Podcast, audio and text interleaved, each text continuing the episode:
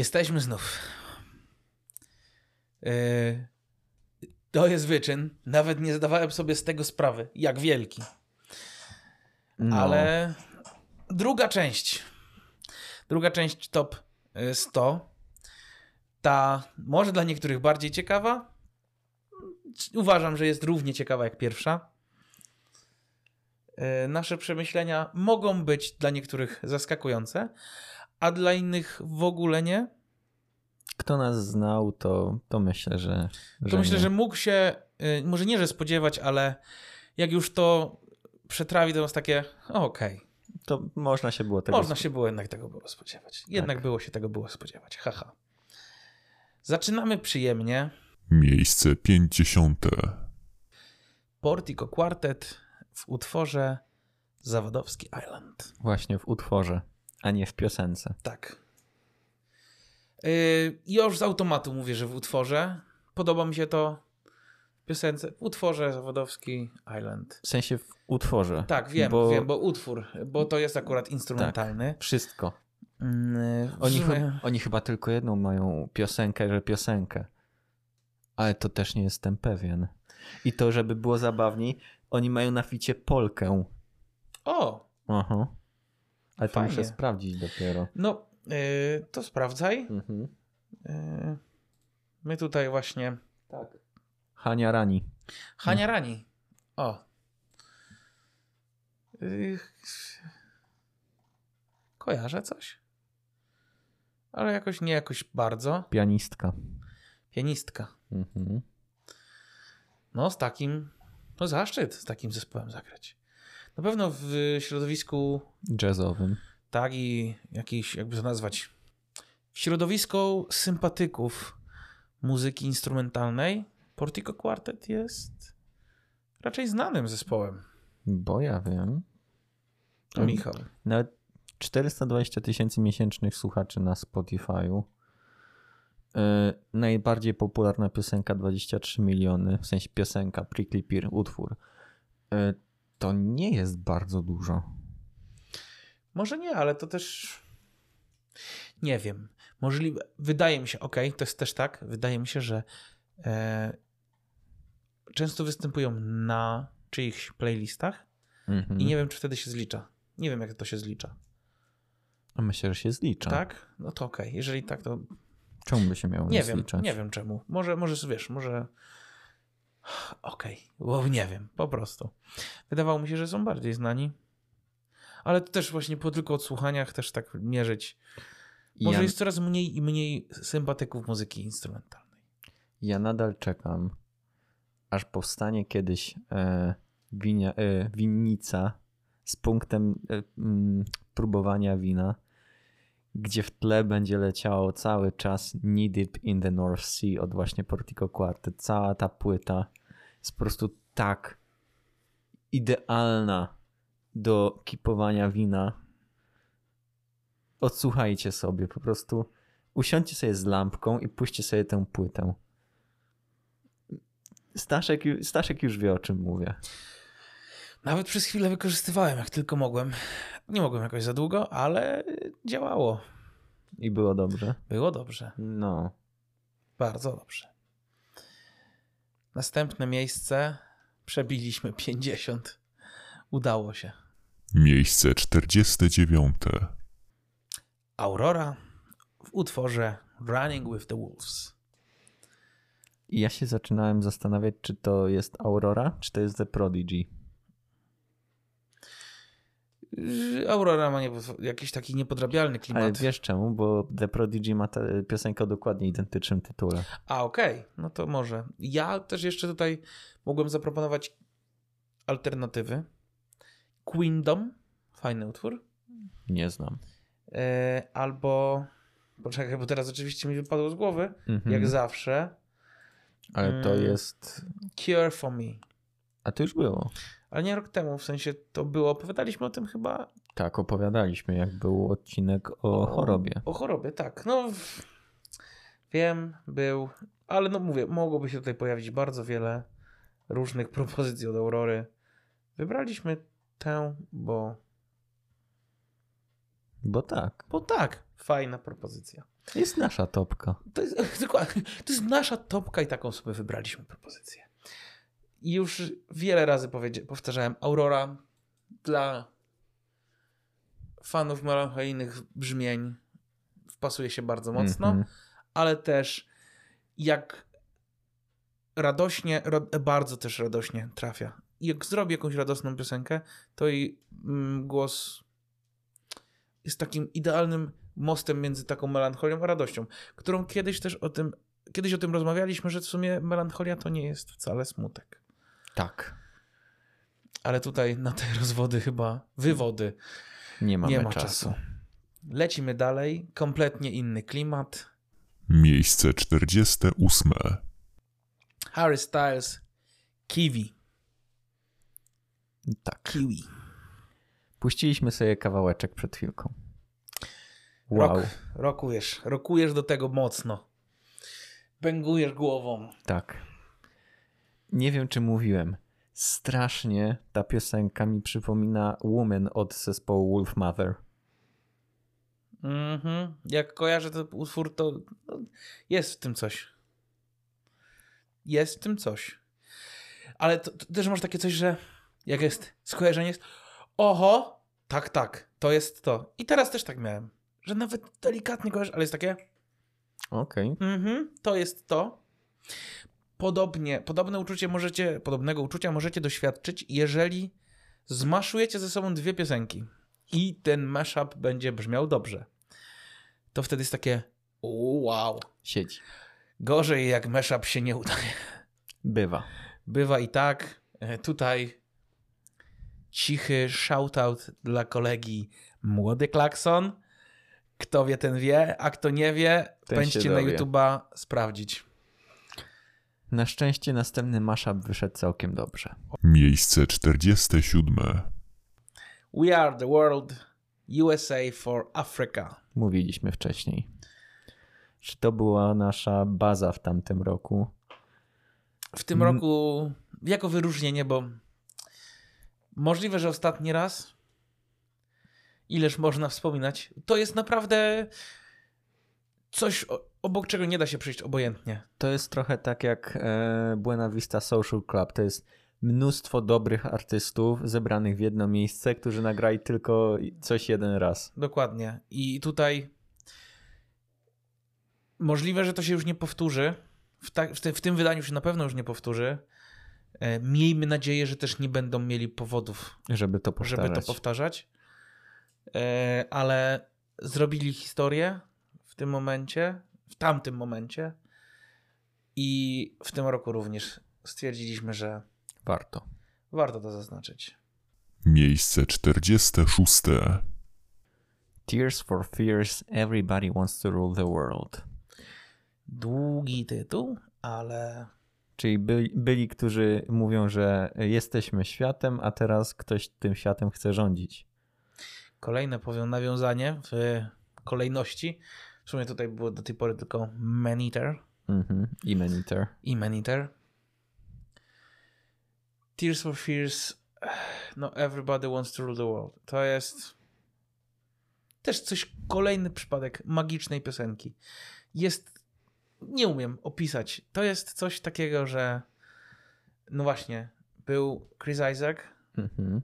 teraz mamy Tears for Fears, bardzo podobny klimat. I no nie wiem, Michał, czy ty umiesz co opisać właśnie to tę magię? Ja chciałem powiedzieć tylko to, że jak słuchasz tej piosenki, to bas robi robotę.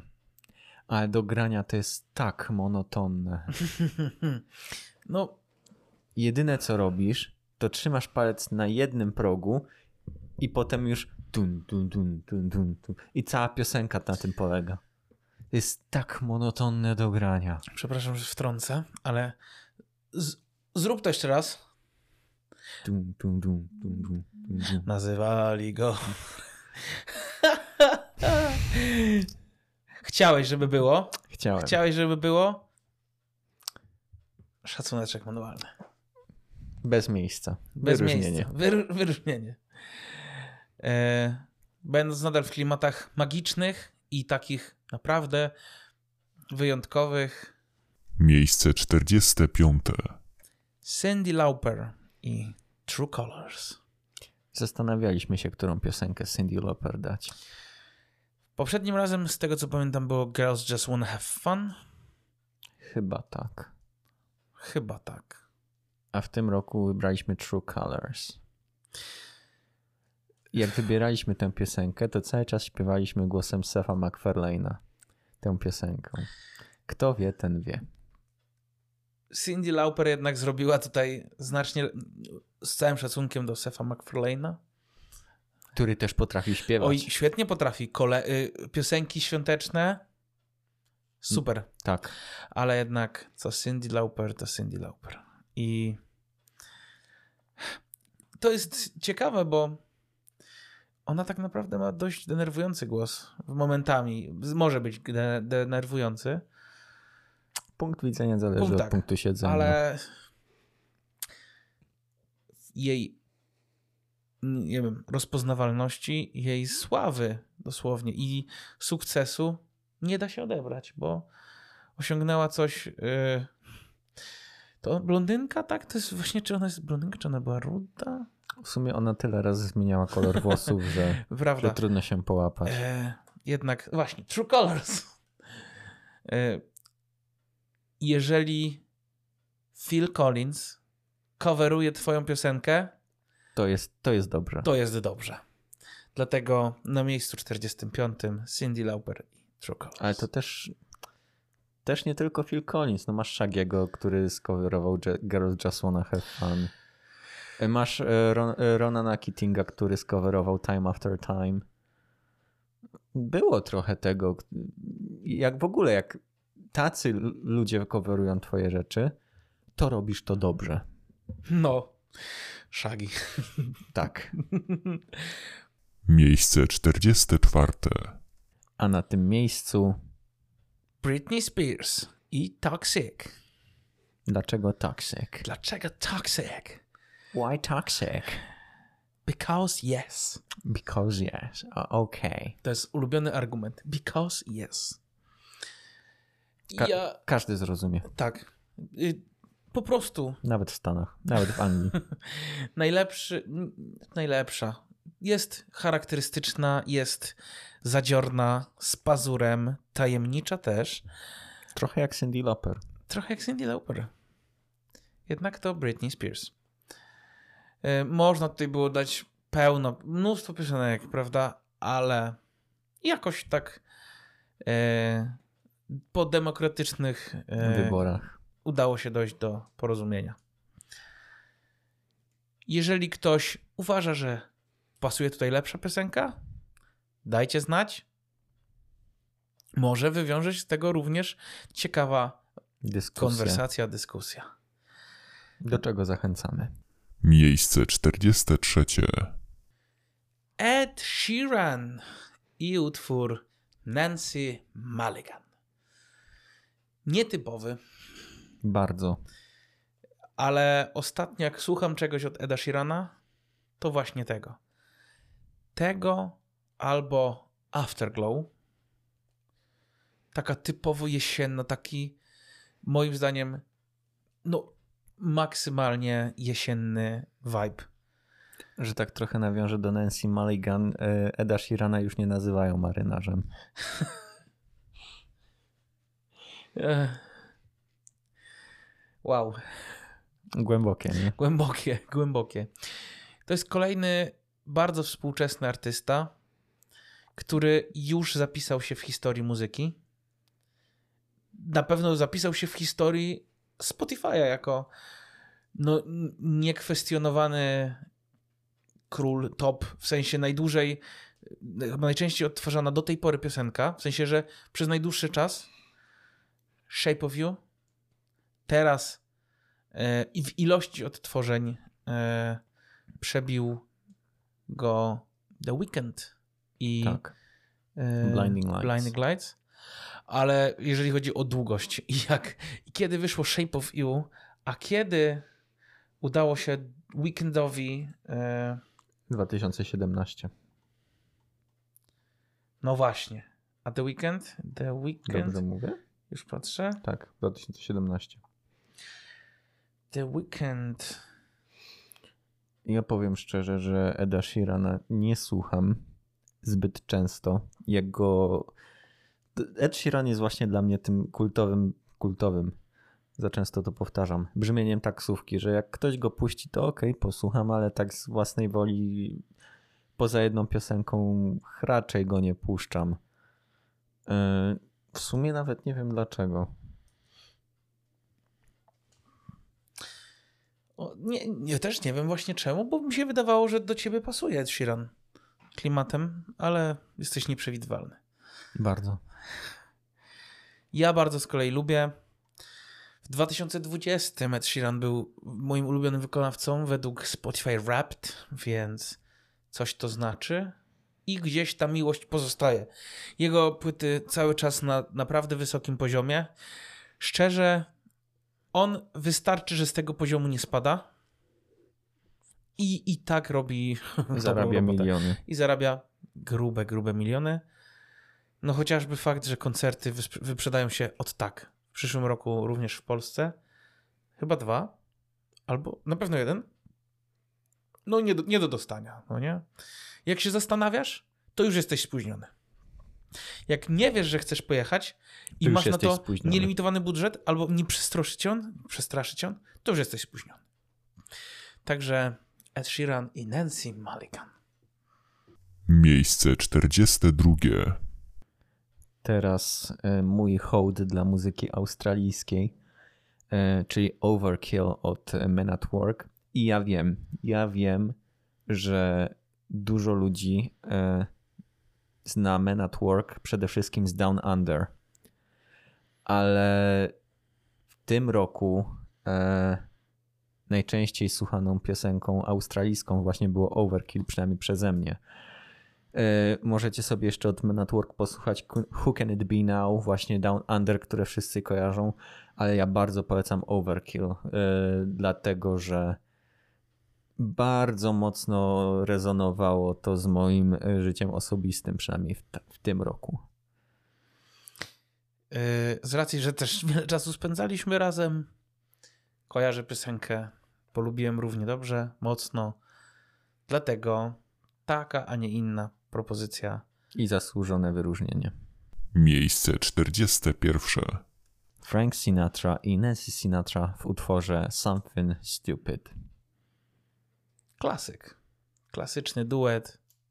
Tak samo jak klasyczny duet yy, Robiego Williamsa i Nicole Kidman, dobrze mówię? O kurczę, nie wiem. Na pewno robi Williams. A jako, jaki utwór? Ten sam. A, ten sam. O, to, to już, to już... Nicole Kidman, tak. O proszę. Jest chyba jedna... O, dobra, nic nie mówię. E... Ja nie znam tak dobrze tej piosenki w tej wersji. Tutaj znów shoutout dla studia Akantus, które wydało swoją wersję tej piosenki, mhm. polską, przetłumaczoną. E, nie ma jej już dostępnej u nich na kanale, ale w pamięci zawsze, zawsze zostaje. Tak. Miejsce 40. Root Boy od Riany. Zastanawialiśmy się długo, którą piosenkę Riany wybrać i czy w ogóle wybrać. Ja osobiście nie słucham często Riany. I ostatnie ja piosenki. Troszkę, ale to kiedyś. No właśnie kiedyś. Ostatnie piosenki, które wydaje, na przykład Shine, Shine Bright Like a Diamond. Mhm. Diamond. Nie wiem, nie mam cierpliwości do tej piosenki. 4-5 Seconds z Paulem McCartneyem.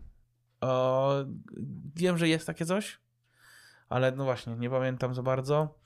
Jest y, Rihanna i Calvin Harris, tak? Tak, How Deep Is Your Love? Nie, czekaj, to nie jest to. How Deep Is Your Love jest y, z kimś innym śpiewane. Już mówię, bo to jest też często odtwarzane. We Found Love. Tak, We Found Love. Też nie mogę. Love on the Brain. Nie wiem czemu nie. No ale na przykład Only Girl in the World. SNM. Też. Umbrella. Od tego się zaczęło. Peak. Jest dużo, ale właśnie to jest taka taki kalejdoskop, nie? To jest właśnie Rihanna. Raz tak, raz nie. W moim przypadku są e, ludzie, którzy Rihanę całym serduszkiem. Ja połową serduszka. Połową. Po... Dlaczego? nie... Mów, mów. nie, mów, mów. Dlaczego Rude Boy? Bo to nie jest aż taka znana piosenka. A skoro Może jest nie. znana artystka, to chcieliśmy zaproponować coś e, mniej oczywistego. No bo jeżeli zaprasza, to nie możemy go dłużej trzymać. Więc Miejsce 39. Can't Help Falling in Love by Elvis Presley. to miał być żart, pstryczek w nos, że... Dla fanów Elvisa. że dla fanów, no jak szukaliśmy, kto jest, kto jest tym ultimate rude boyem. I Mieliśmy dużo kandydatów. Elvis może nie był aż tak rude, ale był, Na jego tyle osobowość była na tyle niegrzeczna. wszechstronna, gigantyczna, w sensie, że naprawdę był tak dużą osobowością, że może gdzieś tam trochę tego rude boya by się znalazło. No i też sama piosenka jest. Sama piosenka w sumie przeciwieństwo rude boya. Piękny klasyk. Też pościeluwa. Mamy wasze, pamiętajcie, macie nasze wsparcie. Tutaj kolejna z propozycji. Wykorzystajcie ją mądrze. Miejsce 38. Busy Earning od Jungle. To visit Eileen. Tak. Nie wiem czemu. Jak słyszałem tę piosenkę po raz pierwszy i po raz i, i pięć ko- kolejnych razy, to Zamiast Common Eileen to Visit Eileen. Tak? y, zamiast, zamiast busy earning to jest common, Eil- y, to jest visit Eileen. Nie wiem. Piosenka, która pojawiła się w. E, tak, pojawiła się w Tales from the Borderlands. Kto kojarzy to, to kojarzy, a kto nie, to bardzo polecam grę. I sam utwór też. Sam utwór też jest bardzo klimatyczny. Tutaj nie będę kłamał, no po prostu fajny utwór. Nie chcę przedłużać, bo coś czuję, że na następnej propozycji zatrzymamy się trochę dłużej. Miejsce 37. Ta piosenka nie powstałaby, gdyby nie Bruno Mars. Naprawdę? Tak. Bo Breakbot stworzył e, Baby I'm Yours tylko dlatego, że chciał wykorzystać e, którymś ze swoich projektów e, Treasure od e, Bruno Marsa, a ten nie wyraził mu zgody. Czyli, ale to faktycznie blisko jest od Treasure. Mhm. Wow, No. Nie, Wow. nie mów, że nie wiedziałeś. nie wiedziałem. No, to już wiesz. to już wiem. Czekaj, jeszcze raz. Czyli Treasure wykorzystuje beat do Baby I'm Yours? Na odwrót. Na odwrót. W sensie, czyli faktycznie tak jest, że oni możemy wykorzystać twoją piosenkę, muzykę do naszego... Nie, to było tak, że Breakbot, nie wiem, czy chciał skowerować to, czy jakoś Mhm. tak. E, I zapytał Bruno Marsa, czy może wykorzystać Treasure w jakiś sposób. I ten mu powiedział, że nie. A to jak tak, to ja se poradzę samemu. I se poradził. Słuchajcie. Kontrowersyjne stwierdzenie. Natomiast Baby I'm Yours dużo wyżej. Chyba jest lepsze. Chyba lepsze niż Treasure. Jak ktoś jest w stanie zmienić moje, moje zdanie, to Zapraszamy. próbujcie. Ale listen baby. Oj tak, po prostu wajbujemy. Coś czuję, że zaraz jak zrobimy sobie przerwę, to będzie, będzie leciało, bo no jest też tam drobny y, pierwiastek memowy w tej piosence. Tak. Od samego początku. Jak Kto- kto, wie, ten Kto wie. wie, ten wie.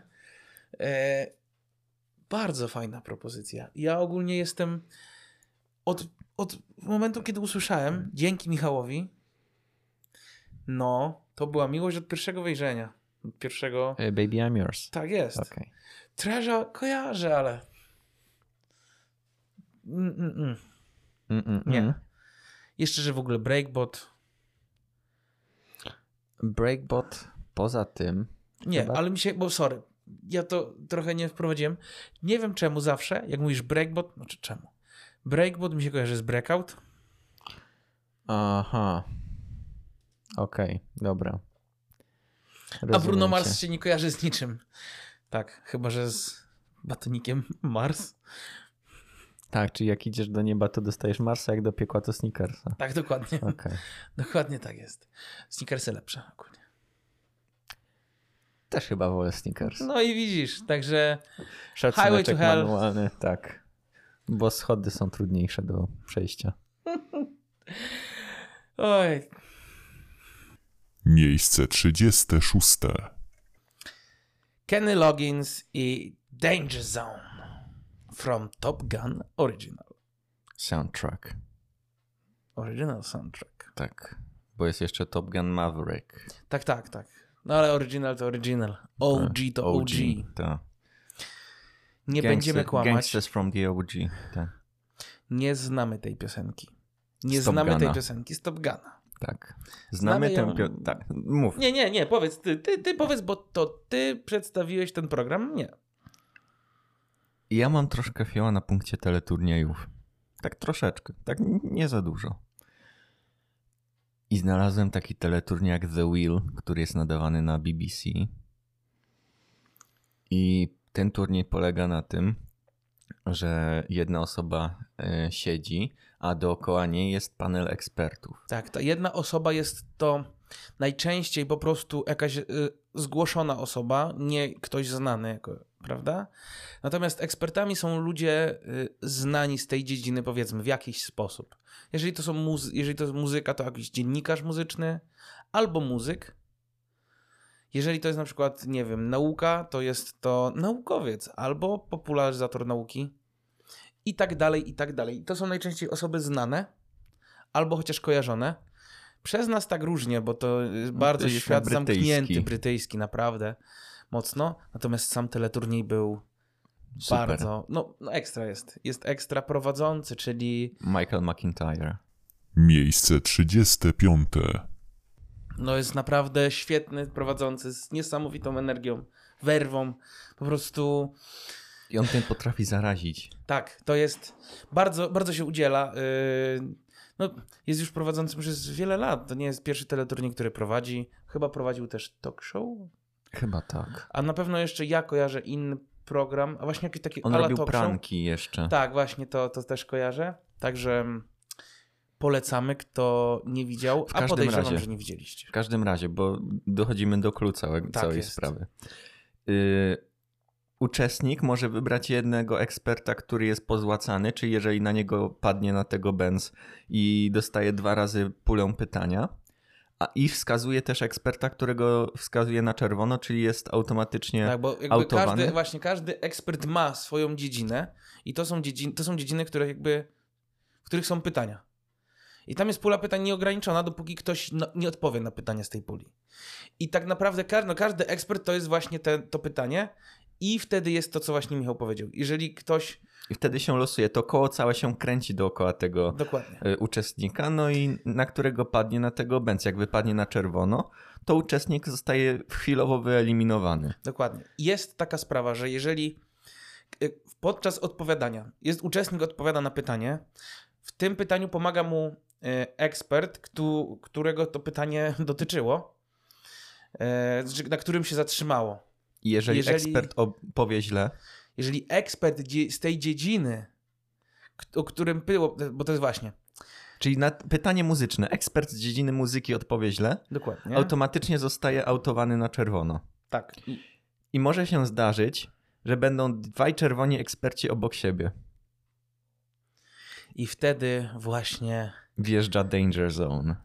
jak to jest, y, to jest pole zniszczenia. Niebezpieczne tereny. I stwierdzili, że wykorzystają tę piosenkę, bo naprawdę się to No i pasuje. pasuje tam. I to jest taka głupotka. Wiem, że podejrzewam, że wytłumaczyliśmy ten teleturniej najgorzej jak się dało, bo ja z tego, co Michał powiedział, nic nie zrozumiałem. Przyznaję się. Gdybym nie znał tego teleturnieju i z siebie też, to ja mówię, no jest takie coś, że się kręci koło i tam są ludzie, nie wiadomo, czy oni są przykręceni głowami, jakby głowami w dół, no nieważne. Yy, Danger Zone, Kel, Kenny Loggins, y, hołd dla, hołd właśnie, shoutout Dla Ma- y, Michaela McIntyre'a, całego zespołu The Wheel. za to, że y, przybliżyli nam tę piosenkę bardziej, bo Top Gun tego nie zrobił, bo nie oglądaliśmy. Nie. Miejsce 34. Sledgehammer od Petera Gabriela. Dokładnie, to nie jest Peter Gabriel, to jest Pi- Peter Gabriel. Mhm. Musi być Peter Gabriel. Ogólnie pojawił się tu, bo W sensie ja lubię Petera Gabriela. Twój tato lubi Petera Gabriela. a ja go Także- tylko znam. Także pozdrawiam pana Krzysia. Pozdrawiamy cię, tato. Dziękujemy za to, że e, nie mogłem nie znać zespołów, które słuchałeś. To nie jest wcale żaden przytyk. Ja się naprawdę bardzo cieszę, bo gdyby nie to, to nie znałbym właśnie Petera Gabriela, Pink Imagination Floyd. Dragones. Imagination Dragones też poznałem, bo mi tata podesłał płytkę. Oto tata właśnie mówi, weź tu mam taką płytkę. To nie jest tak, że mam płytę, mam album. Nie, nie, jest płytka. Tu mam taką płytkę, se posłuchaj. To jest klasyk już. No i było, więc y, taki jakby malutki hołdzik. Ale sam, sama piosenka jest bardzo, bardzo chwytliwa. Tak. On jest, Peter Gabriel jest znanym y, wokalistą, bo on miał zespół jakiś, on śpiewał w zespole. Nie, on nie śpiewał w zespole, ale miał bardzo słynnego fita. Mhm. E, Kate Bush. O, proszę. Don't Give Up. Tak, jest, nie wiem, czy kojarzysz, kojarzysz Kojarzę, ten teledysk, kojarzę. jak oni się kręcą dookoła i to akurat nie kojarzę teledysku, ale piosenkę już piosenkę kojarzę. teledysk też jest super, bo akurat kogo jest e, moment na śpiewanie, to akurat ten jest zwrócony twarzą do kamery i oni się tak cały czas kręcą dookoła. Mhm. Więc e, teledysk też jest przekminiony No do tej to- piosenki. A Sledgehammer jest e, teledysk stworzony poklatkowo. O, okej. E, I tam się w ogóle odpierniczają rzeczy, że głowa mała. Jeździ kolejka dookoła jego głowy, takie rzeczy. Lata 80. Mhm. Dziękujemy, że byłyście, bo to naprawdę PTSD, a nie, bo to jest powojen ten, ten, ten syndrom. Zespół stresu To, to nie, pourazowego. to, to nie, to sorry. Ale a chociaż oglądasz to, doznajesz urazu i potem masz stres. Może być? Nie? E, e, idźmy dalej. Dobra. Miejsce 33. Dlatego teraz Crowded House, Don't, don't Dream It's Over. Ta piosenka, no to jest kolejna magiczna, jakaś taka, nie wiem, jest, y, jest, jest znów wyjątkowa. Pamiętajcie, miejsca nie mają znaczenia, ale to, że przypomnieliśmy sobie o niej dopiero tutaj, Coś świadczy. coś świadczy, o czymś dokładnie świadczy. Więc podobnie jak y, wcześniejsze, czyli co? Y, hello, nie Hello, Boże. Common Eileen. Mhm. Y. Firewata. To wszystko jest w podobnej e, tematyce. W sensie podobnym, ma ten pierwiastek takiej magiczności. Mag, mogę powiedzieć magii, ale chodzi o tą.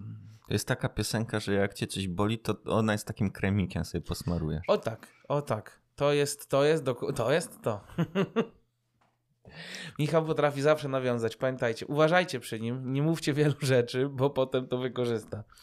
E, Crowded House. Czy coś od nich jeszcze ogólnie z takich To jest taki one hit wonder. One hit, one hit Wonder. Co nie zmienia faktu, że to jest piosenka, którą nie każdy zna z tytułu, ale każdy ją zna. No, ja miałem powiedzieć, że może ludzie znają tę piosenkę jako Hey Now, Mhm. Hey Now, Hey Now, Tak, Ale- nie, nie ten krakowski. ale też jest Hey Now, You are Rockstar, Tak. więc tutaj można dyskutować, która bardziej znana. Crowded House, Don't Dream It's Over, miejsce 34 już. Dyskutować, która bardziej znana. Crowded House, Don't Dream Depeche Mode i Personal Jesus. Nie wchodzimy, czy ktoś jest wierzący, czy nie. E, Ja tak naprawdę nie wiem, o czym jest ta piosenka. W sensie nie wiem, jaki był kontek- kontekst napisania e, tej piosenki przez Depeche Mode. Mhm. Jest to jeden z ich największych hitów. Bez wątpienia. Obok, e, czekaj, e, Silence. Co tam jest? Enjoy the Enjoy the silence. Silence. Tak, to są dwie piosenki, które kojarzę, na pewno. Mhm. Więcej nie. Bo tutaj znów. Free Love nie kojarzysz? A, kojarzę, oczywiście, że No tak. właśnie. Ale widzisz, nie teraz, nie? Ogólnie znam, ale teraz sobie nie przypomniałbym. E, tu też Depeche Mode to jeden z ulubionych e, zespołów taty. Także kurczę, już drugie miejsce. Ale widzisz, właśnie. To jest to, o czym mówiliśmy ostatnio, że Daft Punk dopiero ostatnio mm, zrobił karierę w Polsce, a wcześniej to było właśnie Jean-Michel Jarre, Depeche Mode, te klimaty. Oj, Jean Żar. To jest. Mhm. Pamiętam, jak myśmy słuchali. Nie pamiętam, jak się nazywa ten utwór, bo on tam ma jakieś śmieszne, jakieś number 4. Tak, Oxygen 4. Oxygen 4, tak? Mhm. O, no to właśnie. I to jest ten Bo chyba. płyta się nazywa Oxygen, no i on leci. Oxygen 1, 2, 3, Tak, no. 4 po kolei. Ale y, pamiętam, że chyba tata miał y, nagrane na kasecie jeszcze, albo już na płycie? Nie wiem, nie wiem w sensie jak to było, chyba już na płycie. Jakiś, tele, jakiś koncert po prostu był i, i leciał, leciał w kółko. Były takie dni, że naprawdę leciał w kółko. Wymienię, wymiennie z pszczółką Mają y, i z Michem i Margolcią. O, jak słodko. Tak, nie? Nag- I nagle Jean-Michel Jarre i, i Oxygen 4. Y, Piękne to wspomnienie, ale Depeche Mode teraz y, już chyba trochę zapomniany zespół mi się wydaje, Bo ja wiem. nie? Ja Precious nadal mam na moim on repeat na Spotify'u. No, ja nie, ja wiesz, ja, ja szczerze no, znaczy, nigdy nie słuchałem, zawsze ten zespół znałem, ale nigdy nie słuchałem. To też jest czasami taka klątwa, że jak ktoś ci coś poleci, znaczy właśnie mówi, ej, posłuchaj, posłuchaj, Mhm. to niekoniecznie go słuchasz i nie słuchasz tego artysty. E, Ale znam i szanuję, doceniam, bo jednak e, swoje dla muzyki zrobili. No, z, wiesz, że nazwa muzy- e, Depeche Mode'ów jest e, z francuskiego wzięta. Nie. Jest właśnie z e, mody francuskiej. Takiej depeszowej, czyli takiej listonoszy. Naprawdę? Oho. Jest, to dlatego tata lubi ten zespół. Aż tak. Mhm. Okej, bo mój tata jest listonoszem, jakby coś. I wow, Jak to się wszystko pięknie jak to się właśnie teraz łączy w spójność, włączy w spójną całość. Ech. Dziękuję, Michał, że mi teraz e, rozszerzyłeś to jakby pole widzenia, bo naprawdę bo teraz, teraz jest, jestem człowiekiem bardziej świadomym. I to tak bardzo, bardzo. Te wszystkie lata, kiedy Depeche Mode, o co chodzi? Depeche Mode. A teraz The More You Know. The more you know. Dokładnie. Miejsce 32. Billy Joel w utworze We Didn't Start the Fire. We, czyli kto? Bo już miałem powiedzieć we, we, czyli who, ale to już by się nie spinało za dobrze. We, czyli kto? Aha. Mm, Nie wiem, szczerze. On tam, e, on tam mówi o wielu osobach. Tam jest wymienionych bardzo, bardzo wiele osób. E, ogólnie to jest tak, że ja, moja świadomość o Billy Joelu Mhm. pojawiła się niedawno. Yy, względnie tak jakieś dwa lata temu. I tak sobie yy, jakoś słuchałem kilku piosenek. Prawda, mamy We Didn't Start the Fire, czyli jedną z takich przeze mnie bardziej lubianych. Jest jeszcze Piano, Man, Mhm. albo jak on to śpiewa, Piano Man, bo on tam tak mocno tak właśnie... Zaciąga, tak. Tak. E, obie, obie mają swój klimat. E, szczerze to nie wiem, po prostu. Billy Joel jest, często powtarza się, często się o nim mówi, a u nas jakoś tak nie zagościł, więc mówię, nie, Michał, musimy tutaj dać Billy'ego Joela, bo, bo zasługuje, bo zasługuje. Wiesz, że były dwie wersje. Nie.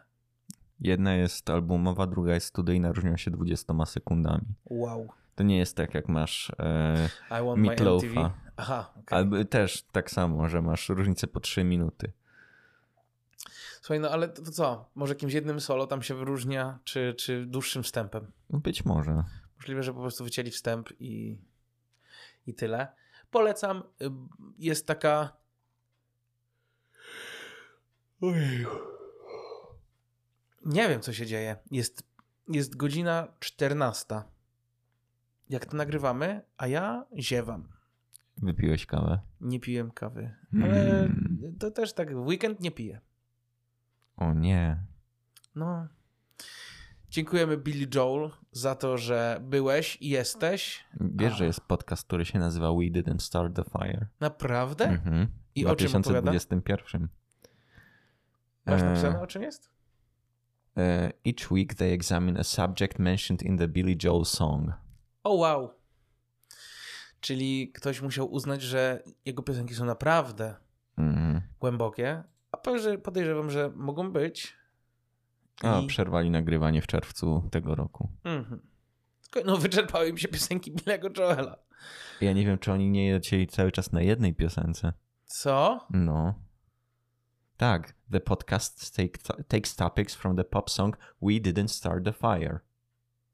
Cały czas lecieli z jednej piosenki. O kurcze. Przez dwa lata. No tak, styczeń 21 do czerwiec 23. Oni cały czas brali z jednej piosenki nawiązania i tu po prostu pogłębiali. Tylko pytanie teraz, ile trwały odcinki. No. Nagrali w sumie 123 odcinki. Wow. Tam było dużo rzeczy, o których można odpowiadać. Mm. Naprawdę. Szczerze, to tam jest wydarzenie za wydarzeniem. Yy, No właśnie. Ponownie. The more you know. Miejsce 31. Video Killed the Radio Star od The Buggles. Piosenka już za często to mówimy kultowa. No. Pierwsza piosenka kiedykolwiek puszczona na MTV. Yy, To też miało swoje drugie dno, bo No bo MTV jako jako stacja telewizyjna zyjna, tak. zabiło. Teoretycznie zabiło. Tak. No. Właśnie chodzi o to, że to nie tak, ale szczerze, chociaż jeszcze tak, patrząc po tym teraz, jak wygląda sytuacja, no to ludzie słuchają radia, a nie piosenek w telewizji. MTV i inne wszystkie stacje, szczerze, teraz to chyba odeszły już od puszczenia. Ja naprawdę nie kojarzę, żeby ktoś ta puszczał muzykę. I ja wiem, gdzie ludzie puszczają muzykę z MTV. Gdzie? W sklepach. W sklepach? Krop. House. Tam tak, ale to już właśnie, no jak ktoś tam chodzi, to okej. Kiedyś to naprawdę było tak, że ja szedłem do znajomego i, i tam leciało cały czas MTV, nie? Cały czas. A teraz? Cały czas Spotify. Albo YouTube. Tam puszczane są piosenki. Apple Music. Nie, no to tak. Aż tak nie, Nie, nie, nie. burżuazja. Nie, nie, szczerze to nie znam nikogo, kto by korzystał z Apple Music. Nie wiem po co trzeba, miałoby korzystać z Apple Music. Ale z Tidala korzystałeś kiedyś. No ale szczerze, Tidal i Spotify to są bardzo podobne e, programy. Ostatnio nawet chciałem spróbować, żeby zobaczyć, jakie są różnice teraz. I myślałem, że znaleźć kogoś, kto korzysta, ale teraz w znajomych nikt nie korzysta z Tidala. Wszyscy Spotify'a. I ewentualnie YouTube Music teraz weszło. I niektórzy kupują sobie po prostu pakiet YouTube bez reklam plus YouTube Music. Mhm. Także tu I Want My MTV. Chyba, chyba trzeba po prostu poprosić Stinga, żeby jeszcze raz zaśpiewał, bo Tak. Mark Knopfler. Też może nagrać w sumie. No może, Dire Straits już nie nagrywa teraz, ale Mark Knopfler solowo tak? daje radę. Okej. Miejsce 30. Jolene od Dolly Parton. Dolly Parton, czyli największe piersi w Ameryce. Jak to się popularnie zwie. To nie, nie jest moje określenie, żeby nie było. Dolly Parton to jest gwiazda od tak wielu lat i ona w pewnym momencie cofnęła proces starzenia. Zatrzymała go chociażby. Ja ostatnio widziałem zdjęcie, to wiesz, jasne, widać po niej już swój jej wiek, ale chyba nie, nie aż tak. Naprawdę. Jak Dolly Parton występowała w, w Miley Cyrus, y, czy w ten, w Hannah Montana, w Hanie Montanie, to wyglądała tak samo jak na tym zdjęciu, Michał. Bo to jest zdjęcie sprzed 10 lat. Mhm. No i ile ona na tym zdjęciu ma lat, myślisz? Yy, No jeżeli... 67. Czy ta kobieta wygląda na 67 lat? Wygląda na 80. Naprawdę? Mhm. Gdzie? Kurde, jak gdybyś miał taki, tej ilości podkładu, te ilości make-upu na twarzy, te, tych troje ludzi, którzy robią tylko twoją fryzurę, żeby była na, na pół, napulchniona, to też byś nie wyglądał w wieku 67 lat, wiesz. Ale no postarzają to trochę, no. Powiedzmy to sobie szczerze. Że dla całej tych jej zasług, że naprawdę jest filantropką, że jest diwą, Violetą Villas amerykańską, to no, wygląda staro. No okej, no. Nie wiem, ja nie czuję tego jakoś. Ostatnio jak y, występowała, występowała gdzieś, to wyglądało naprawdę super. 69 rok. No, no słuchaj, no to jednak jakby czasu nie cofniesz. No nie cofniesz. No. Ogólnie ja jestem fanem piosenki Jolene i w wykonaniu wszelakim. Yy, tak samo bardzo mi się podoba, bo tak się mówi chyba, albo faktycznie tak jest, że Dolly Parton jest taką muzyczną matką chrzestną, albo faktyczną matką chrzestną. Yy, na pewno. yy, Miley Cyrus? Tak, ale taką, jakby się mówi, Ona jest całkiem dosłownie matką chrzestną Miley Cyrus. ale jest całkiem dosłownie, tak? Mhm. Okej, bo właśnie tego nie byłem pewien. I, I to jest super, że wiesz, jak skowerowała Jolene, to wszyscy Miley Cyrus gra Jolene, ale to jest super! No. I tak samo wtedy Dolly Parton, jej, ale super! Wiesz, że Jolene jest oparte na faktach, że... Wiem, coś Do- słyszałem. Tak. A wiesz, że Dolly Parton napisała Jolene I will always love you tego samego dnia? Naprawdę? Mhm. Ja. Bo jakby ktoś nie wiedział, to I will always love you, które śpiewa Whitney Houston, to jest cover. To jest rzecz, która może niektórych zdziwić. Chyba nie naszych słuchaczy, bo to są akurat już ludzie o wielkiej wiedzy muzycznej. Ale tak. I jak ja się tego. Do... Nie, w sumie nie zdziwiłem się, bo kiedyś widziałem po prostu Dolly Parton. Ale to I- można było też odnieść taki fakt, że, że to był oryginał, a to, co śpiewa Dolly Parton, to, to jest Tak, może, niektórzy A to mówili. jest na odwrót, Tak, tak, tak, że. Dolly Parton skowerowała Whitney Houston, jak mogła? A potem jest takie. E, To jest nie. na odwrót. Ja na przykład nie rozumiem, czemu. e, Dobra, to później. Jeszcze do tego dojdziemy w takim razie. Mhm. Nie w tym momencie. Dolly Parton, Jolene. Miejsce 29.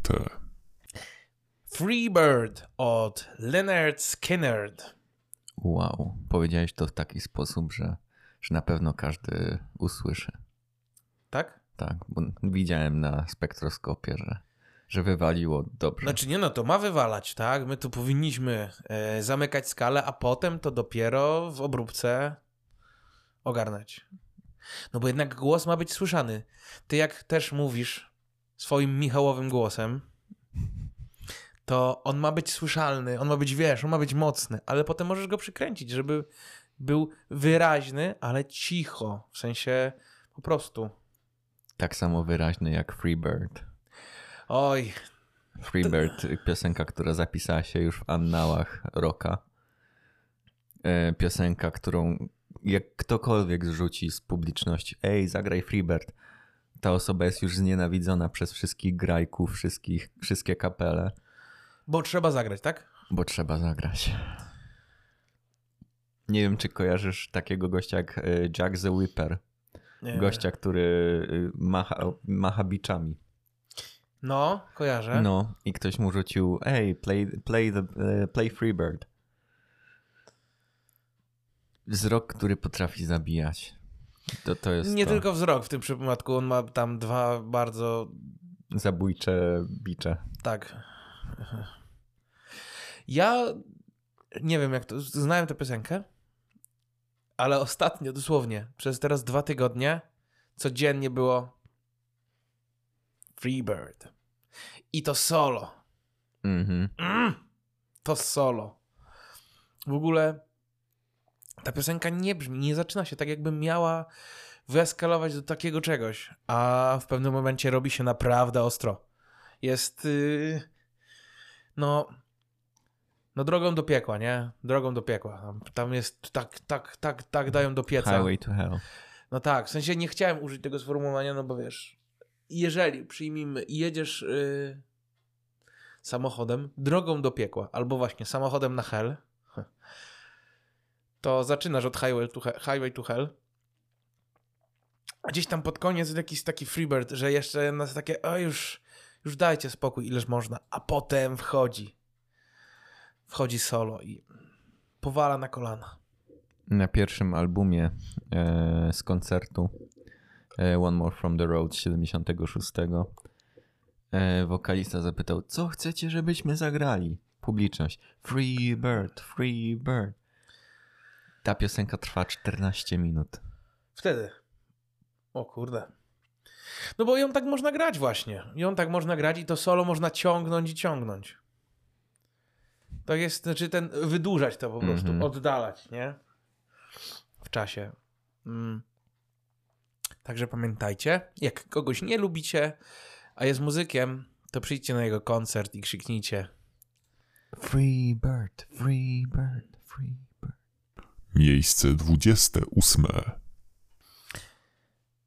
Have you ever seen the rain od zespołu Creedence Clearwater Revival? Z brytyjsko bardzo poleciałeś. No, wiem, a to są e, Brytyj... to są, przepraszam, Amerykanie. Amerykanie. no to spró- spróbuj ty, spróbuj ty. E, że ja. Tak. Okej. Creedence Clearwater Revival. Ojeju. Clearwater. Clearwater. No tak, powiem ci. Nie, ja jestem jednak, y, jeżeli chodzi o to, to Clearwater. Clearwater Revival. Taki posz brytyjski. Szczerze, ja czasami się gubię w tym, które zespoły są brytyjskie, a które są amerykańskie, bo jeżeli chodzi o topkę, topkę rocka, Beatlesi na pewno amerykańscy, bo oh yeah, yeah, yeah. To, to jest po prostu czasami Beatlesi brytyjscy. Rolling Stones brytyjscy. Mhm. Uwaga. Yy, Led Zeppelin brytyjscy. Brytyjscy. The Who Brytyjscy. brytyjscy. Greta amerykańska. No okej, no ale to, to tak, ale y, y, Queen? Brytyjscy. O co chodzi? No dobrze, a ACDC? No dobra, ale wiesz, oni byli trochę później.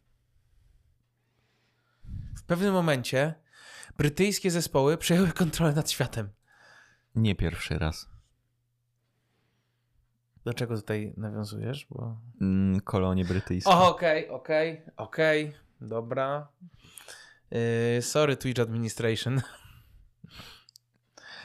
Ale no, taka jest prawda. W tym przypadku zespół amerykański z krwi i kości. Oni wyglądają jak Amerykanie. Nie Mhm. dlatego, że są otyli, tylko dlatego, że mają wielkie, długie brody. I włosy. I włosy też Co w długie. sumie przybliża ich do Beatlesów. Jeden faktycznie wygląda jak, no popatrz. No. Proszę cię bardzo. Powiedz, że to nie są Beatlesi. Jak przymrużysz oczy? Kurczę, no boję się teraz. Już nie wiem. A kiedy powstał ich zespół? Zespół powstał, już ci powiem. Creedence akurat to jest starszy zespół trochę, nie? E, to jest rok 1959. W jednym było- momencie. To było tak, że e, to była taka przymiarka. Ci, ci sami goście grali e, jako The Blue Velvets w 59, a potem stworzyli e, Creedence Clearwater Revival w e, 68 i grali do 72. W jednym czasie po dwóch stronach oceanu, Powstały dwa bardzo podobne zespoły. dokładnie, podobnie wyglądający członkowie tych zespołów. To jest już. y, Ja męczę tę historię, ale kojarzysz zespół 1 Maj. Nie. Nie, to jest zespół rosyjski, Mhm. radziecki wtedy. Y, I ten zespół sławił się w tym, że potrafił grać na przykład koncerty w trzech miastach jednocześnie.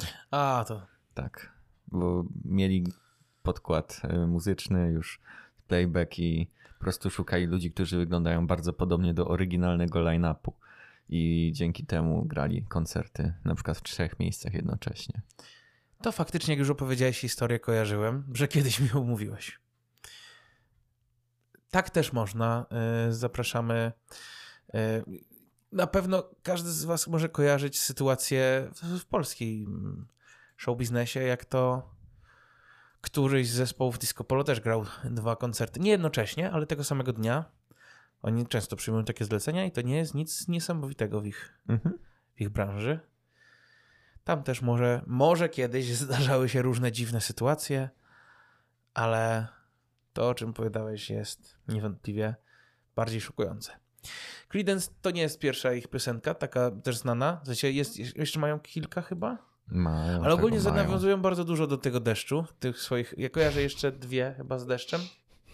Oni chcą ten deszcz, żeby po prostu przyszedł. Here comes the rain again. Tak, to Tak.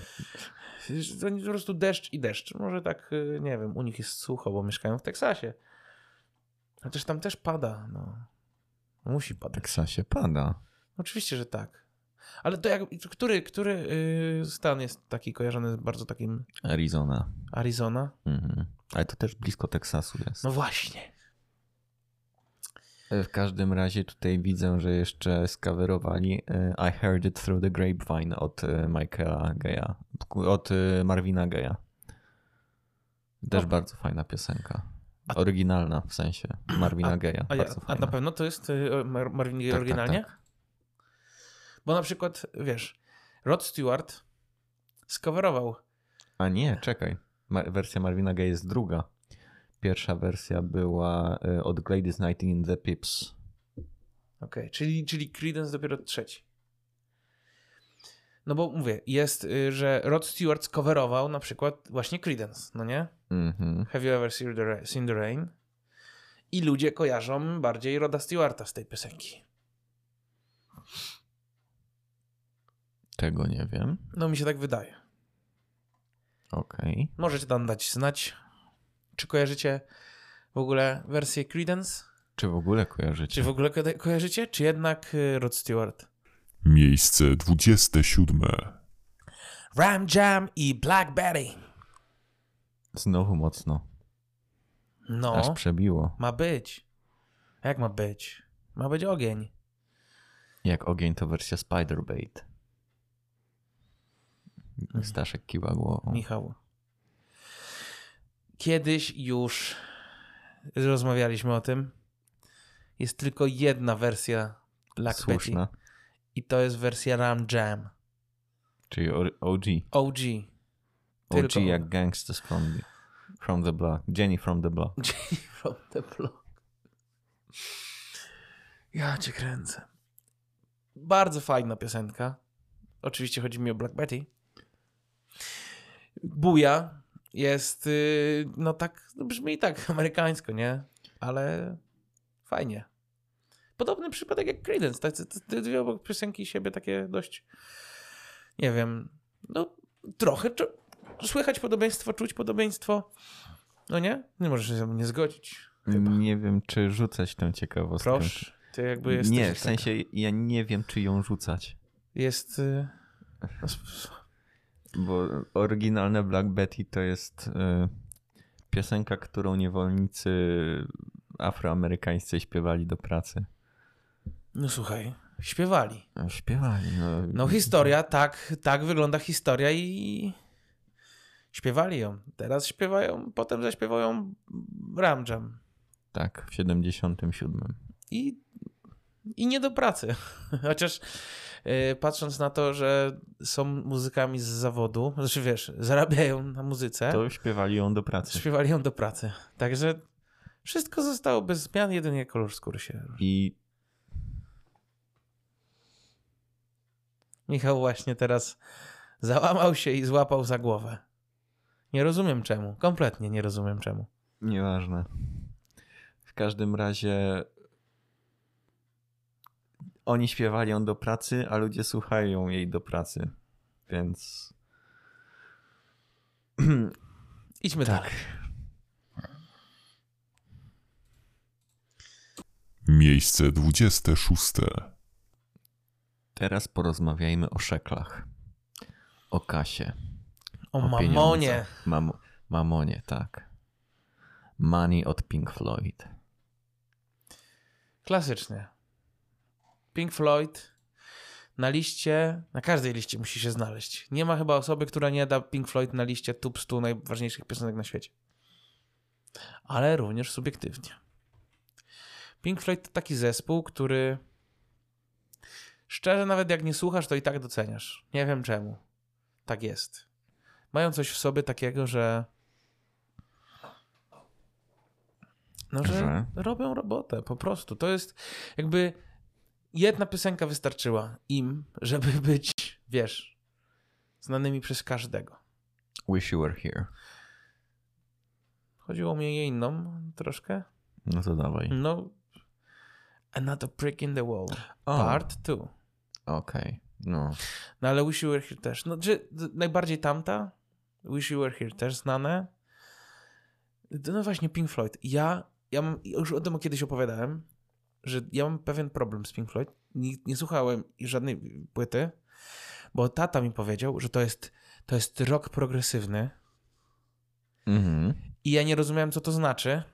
Ja myślałem, że to coś jakieś psychode, a psychodeliczne też chyba. Tak. I ja tego, ja, ja bałem się po prostu, co tam mogę, co się może dziać ze mną, jak będę słuchał tej muzyki, więc jej nie słuchałem. To jest alternatywa do zażywania kwasa. No, dlatego właśnie lęk. No nie chciałeś kwasa. Nie chciałem. Dlaczego nie chciałeś kwasa? No nie wiem, miałem 7 lat.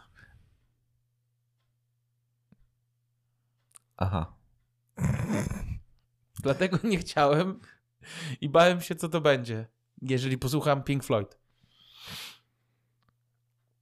Albo miałem, nie wiem, 9 lat. Na pewno to nie było tak, że wiesz, Że wiedziałeś, co to kwas. tak.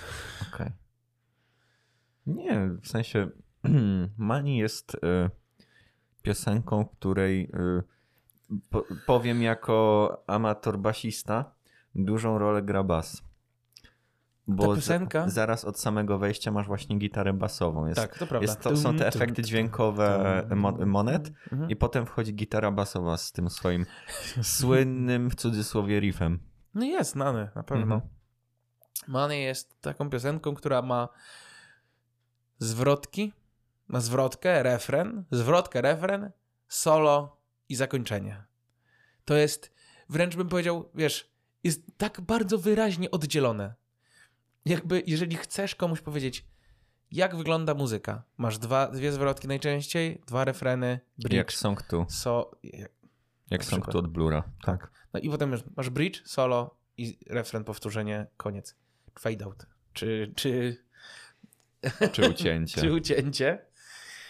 I naprawdę, w sensie przy- przypominasz sobie solo w Money, na pewno jest. Jest. I to jest takie, że ono się nagle zaczyna. Dosłownie, to jest Mhm. takie, Tak. teraz, o, czekaj, teraz jest solo. I wchodzi. I wchodzi. To nie tak, że jest y, build-up do tego. To jest po prostu zwrotka, refren, Refren i zwrotka, wchodzi solo. refren i wchodzi. I ma być solo, to jest solo i koniec. Ale zrobiło to robotę, nie wiem. Ta piosenka ta nie, jest wcale jakoś... Ona nie góruje, wiesz, nad wszystkim. To jest money i to wszystko.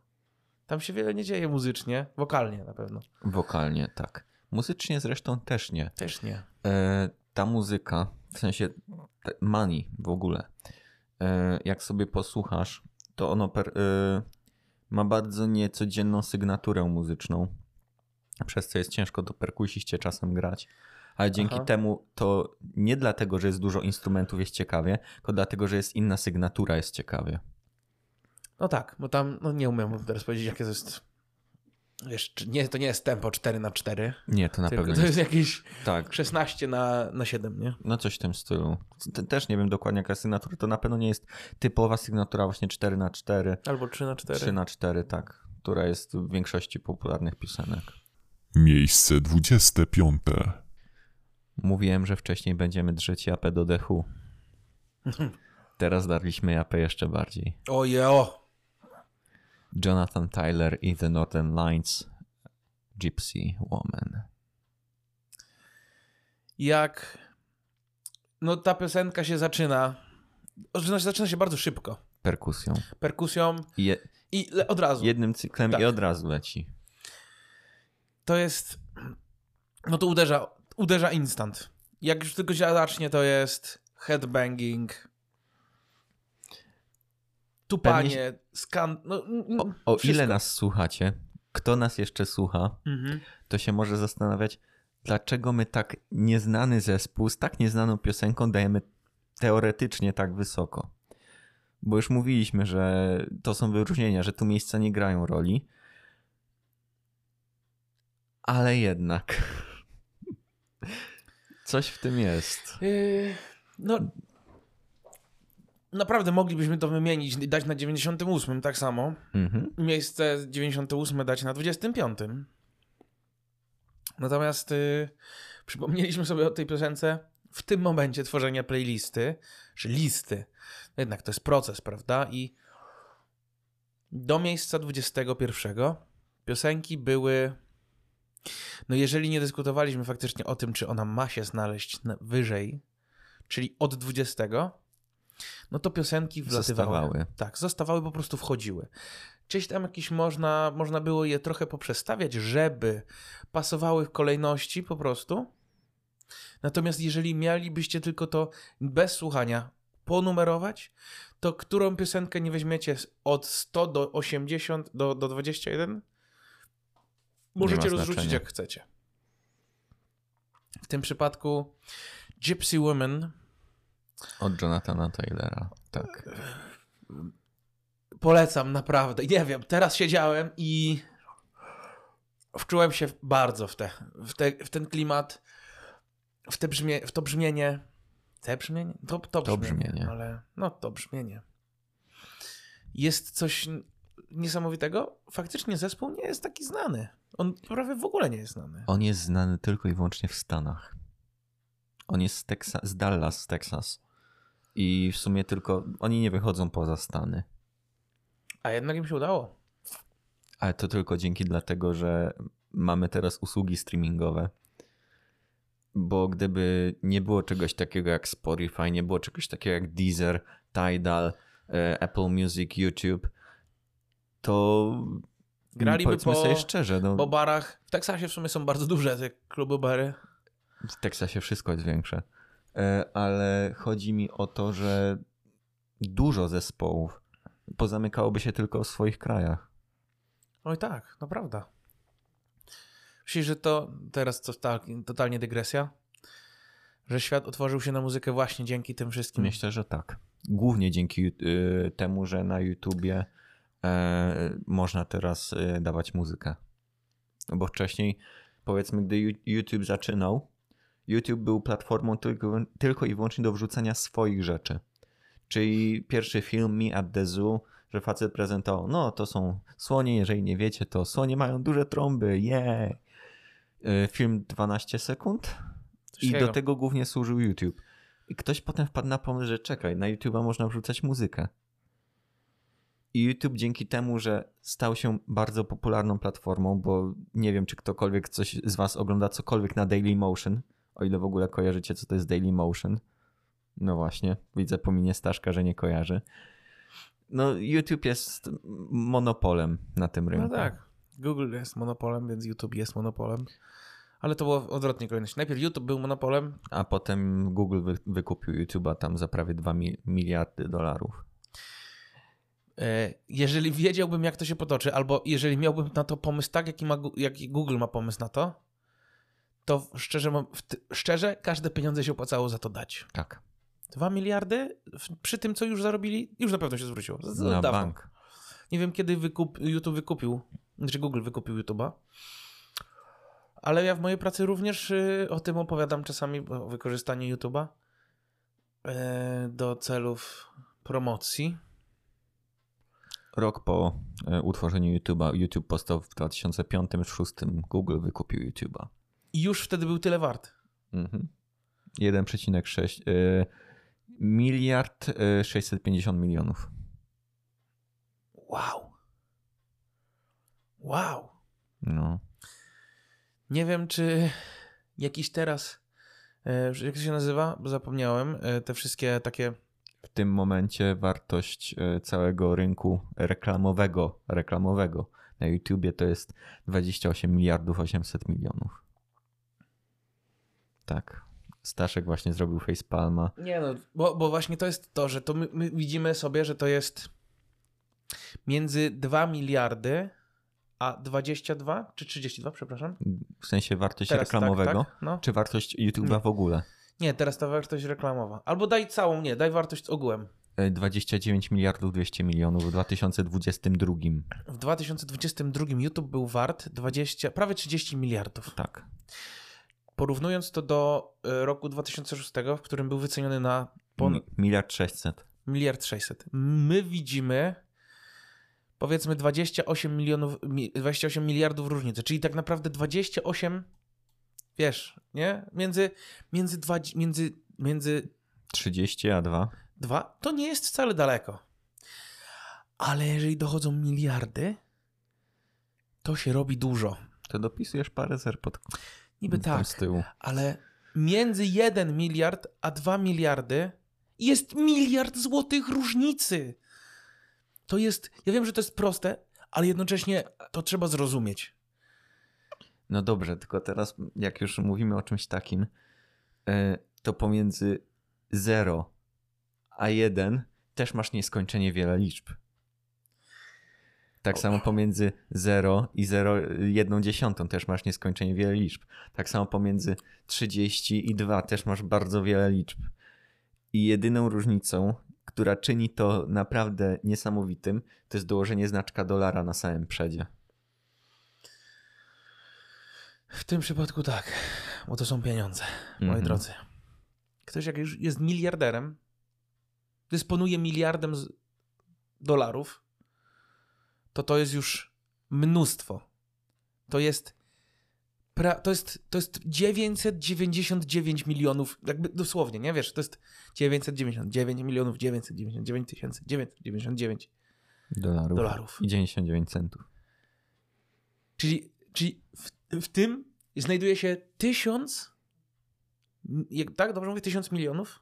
Wiesz o co Mhm, chodzi? tak. Tysiąc milionów dolarów. To jest miliard. Milion dolarów, jak mówi, Jezu, miliarder, milioner. Wielkie liczby. Tu, przepraszam, to jest wtrącenie. Ja ogólnie od już jakiegoś, jakiegoś czasu bardzo y, lubię wracać i oglądać sobie. Pod, jest program Star Talk. Prowadzi go Neil deGrasse Tyson. Michał, Mhm. oddam ci kiedyś tę y, tę książkę. Nawet jej nie przeczytałem. To musisz przeczytać. Tak. I... Swoją drogą Astronomia dla zabieganych to jest super książka. Nie, nie jest duża, jest bardzo y, przystępnie napisana. Tam 120 stron. Neil deGrasse Tyson jest przystępnym gościem, po prostu. I Mhm. mówi o tym w przystępny sposób. I tam jest jeszcze Chuck, nie wiem jak się nazywa cał, całkowicie dokładnie. E, program popularno-naukowy, w którym właśnie Neil deGrasse Tyson wyjaśnia różne zagadnienia z dziedziny nauki. Jemu bliskiej astrono- astronomii, fizyki, Tylko on to prowadzi. Yy, tak, ale to jest współprowadzący jakby, bo to jest ta osoba, która tam siedzi, żeby... Ale to w podcaście. Co? W podcaście. W podcaście? Mhm. Jak w podcaście? W podcaście jest jeszcze Chuck Nice. Chuck Nice, tak. A jak Star Talk? Czekaj, no. Jest Star Talk jako program na y, National Geographic. Jest Star Talk jako podcast. Okej, to nawet nie wiedziałem, że to jest, są dwie wersje tego. Ja znam to z YouTube'a, więc... Mhm.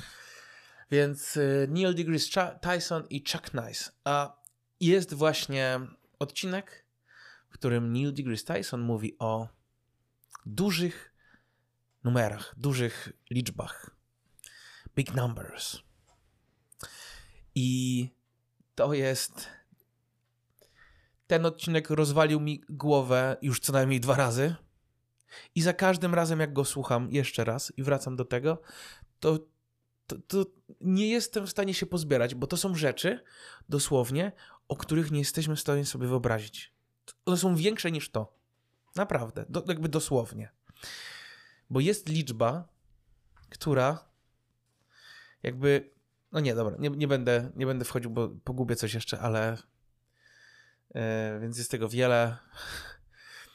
Gypsy Woman gdzieś tam się zagubiła, Mhm. ale jeszcze nie mieliśmy. To już jest druga część tego odcinka, a my jeszcze tak długiej dygresji nie mieliśmy. Mieliśmy. Nie, w tym odcinku nie. A w tym odcinku to nie. W tym odcinku nie mieliśmy jeszcze tak długiej dygresji. Także don't digression is over. Miejsce 24. Mówiliśmy już o tej piosence. Mówiliśmy. Nie wiem, czy chcę do tego wracać. Czemu? Temat jest śliski. Childish Gambino, Redbone. Tak. Efekt y, Pumped Up Kicks, tak? Tak, Pumped Up Kicks. Mhm. Pumped Up Kicks. Piosenka w swoim klimacie bardzo spokojna, chillowa, relaksacyjna. Temat Nie, nie w słowach. nie w słowach, dlatego pozwólcie, że odeślemy was do faktycznie odsłuchania jej, A natomiast my, my nie poruszymy tego nie tematu. będziemy za wiele o tym W mówić. każdym razie e, nie można odebrać e, Donaldowi Gloverowi, bo tak się naprawdę nazywa Childish Gambino, faktu, że potrafi naprawdę stworzyć klimat. Potrafi stworzyć, e, jak to określaliśmy wcześniej, tę chillerę, która po prostu pozwala odpłynąć. Włączasz sobie Redbone i jeżeli nie wsłuchujesz się w to, co on tam śpiewa, a śpiewa pomińmy, to już sobie zobaczycie na własnej skórze, własnymi oczami. Tylko odpłyniecie do tej, do tej melodii, no to wtedy jest faktycznie taka utopia, taka nirwana. Nirwana nie, nie Kurta Cobaina, nie, nie. Nie wiem, co mam powiedzieć więcej. Tak y, już nie, nie słucham jej w tym momencie, tej piosenki, ale wspomnie... jakby jestem w stanie ją sobie przypomnieć i tak właśnie trochę już odpłynąłem. Mam nadzieję, że będziecie mieli podobnie słuchając tego. Miejsce już, Michał, które? 24. 24, moi drodzy. Zbliżamy się. Do magicznej dwudziestki. Na razie jeszcze trzy propozycje. Miejsce 23. Wcześniej mówiliśmy o osobistym Jezusie. A teraz będziemy mówić o Bogu, który jest DJ-em. Na miejscu 23 Faithless God is a DJ. Piosenka długa 8 minut. O proszę. Długa piosenka, powiadasz? To nie jest 12 minut Meatloafa, Dobrze, to jest tylko 4 minuty więcej. czyli 1 trzecia. Zawsze to potrafisz po prostu. No dobrze, 8 minut piosenka. No. I? This is my church. Tak. This is where, Where I heal my myself. hurts. A, my hurts. No tak. Bo dzisiaj Bóg jest DJ-em. W sumie te słowa można interpretować różnie. Ja to zawsze interpretowałem w ten sposób, że Że sz- szedłeś do kościoła i była impreza, bo Bóg jest DJ-em. nie, nie, nie, w sensie, Okej. że, że raczej, że God is a DJ, że to będą po prostu, bo, że to będą boskie hity. Boskie, Bos- boskie bity. Boskie bity, tak. Boskie bity. Boskie bity. Nie, to, czy to jest znana piosenka, Michał? Tak. Okej. To jest jedna z ich dwóch najbardziej znanych Ich piosenek. najbardziej, a jak to się przekłada na ogólną znajomość? No, Faithless jest dość znane. Ja nie kojarzę. Tę piosenkę God is a DJ znam tylko dlatego, że ty ją znasz. Ale często teraz mi się przypomina. E, przypad- 2 miliony 900 słuchaczy miesięcznie na Spotify'u. A, a ile ma odsłuchań? God is a DJ? God is a DJ. E, 54,5 miliona. Mhm. Insomnia ma 151. Co takiego? 151 milionów Insomnia. To jest Tak. ten drugi znany kawałek. Czyli, okej, to ja nie znam akurat. No ale to Jest jeszcze Wicom One, 34 miliony. i wszystko jest w takim klimacie, nie? e, tak. Jest jeszcze e, Weapon of Mass Destruction. Tak. To też jest całkiem fajna piosenka. Jaki to jest gatunek muzyczny? To jest house... To jest bardziej trance. Trance, trance. Mhm. Ale to też nie można ich zaklasyfikować tylko i wyłącznie jako trance. No nie, oczywiście. Trochę też house'a jest. Ogólnie to jest muzyka elektroniczna. To jest bardzo taka, wbrew pozorom, spokojna muzyka Bardzo. elektroniczna. Bardzo, spokojna. Y, Jakby motto tej płyty to jest chillera, znaczy płyty, tej Piosenki. listy, ten playlist, naszej A, playlisty. listy. Tak, to jest chillera, dlatego też chillera przeplatana z rockiem, Tak. Także żeby śpisz, budzisz się. Y, Nie wiem, czy wiedział, kojarzysz Dido? tak. No to brat Dido jest właśnie w tym zespole Faithless. O kurka wodna. No, A była kiedyś u nich na współpracy? była. No właśnie, głupio by było, gdyby nie była. Zaraz ci nawet powiem. Yy, tak jak wspominałem, no, chill i rock w sumie chyba faktycznie takie gatunki, znaczy gatunki, że każdy lubi się czasami trochę odprężyć, a potem czasami doładować. One Step Too Far.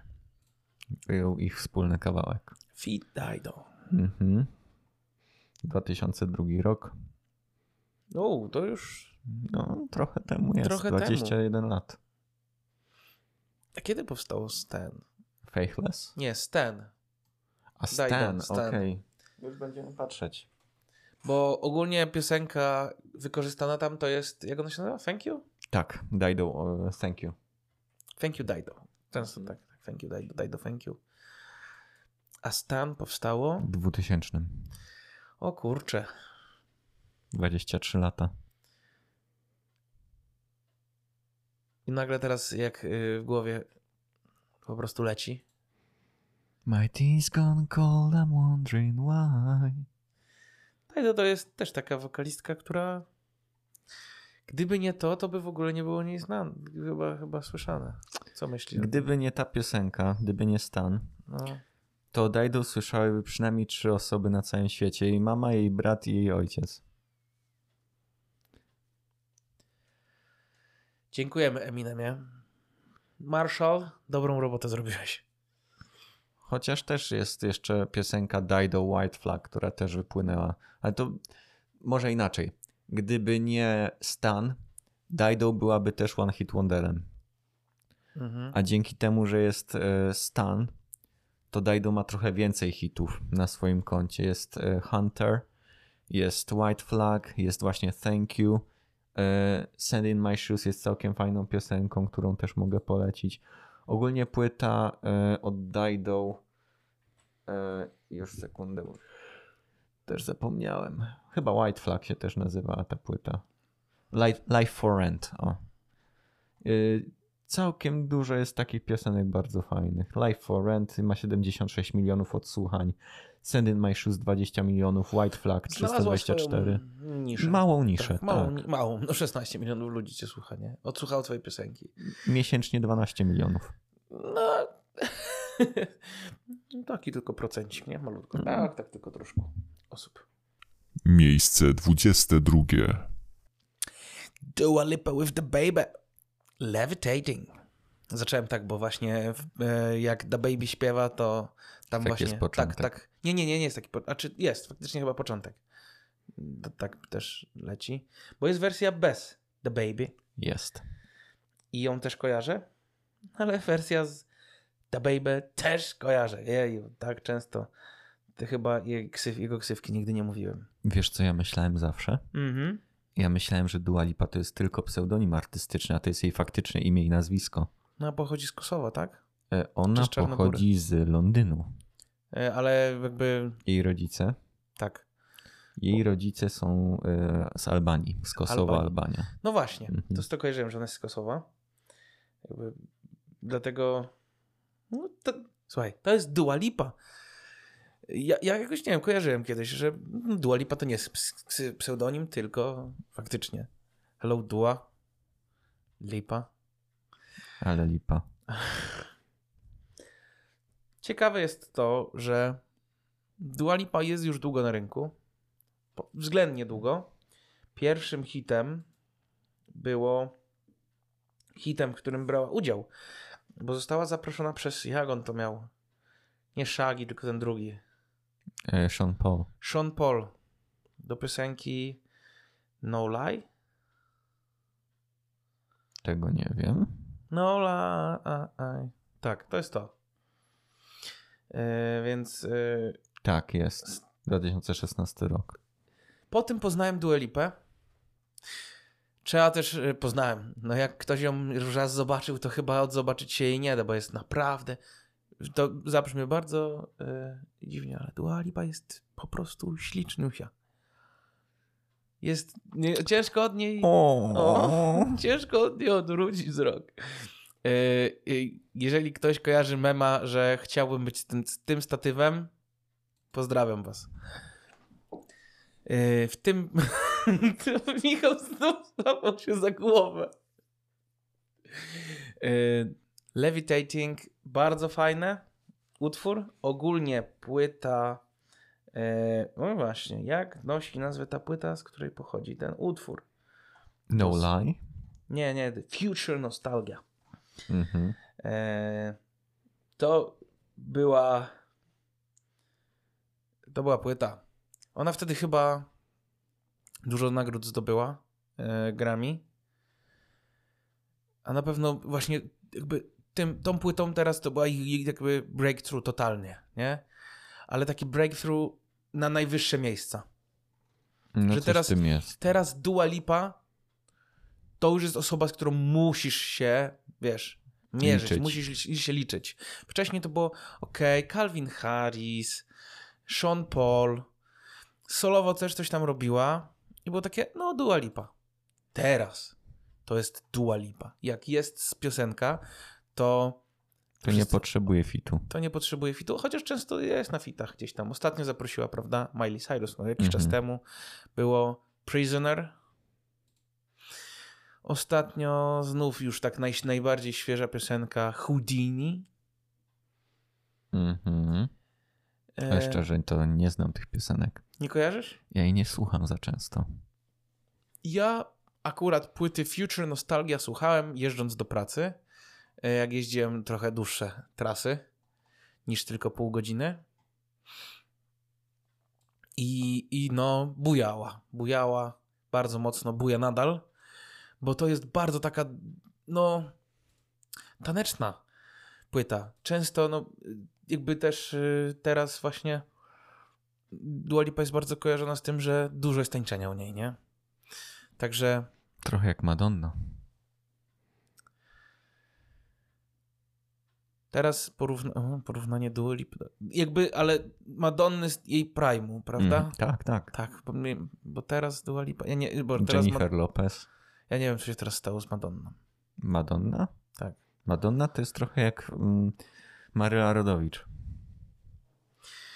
E, ja tutaj przywołam, e, trzeba wiedzieć, kiedy ze sceny zejść niepokonanym. Niektórzy artyści sobie z tym nie chcą się z tym pogodzić. Niektórzy nie muszą jeszcze schodzić. Niektórzy nie muszą, a niektórzy już dawno powinni. I przepraszam, że to powiem, ale Madonna jest tą artystką, która już da, dawno powinna odejść na zasłużoną emeryturę. Dawno, czyli kiedy? Nie wiem kiedy, ale za, naprawdę teraz rzeczy, które pojawiają z Madonną są me- mega dziwne. Śpiewa, wokalnie już nie daje rady. Tanecznie też nie najlepiej z jej zdrowiem. No, sprawdźmy ile Madonna ma lat. Kto tak jeszcze? Ja bardzo podziwiam Jimmy'ego Carreya. To nie jest muzyk, tylko arty- aktor, Madonna ale... ma 65 lat.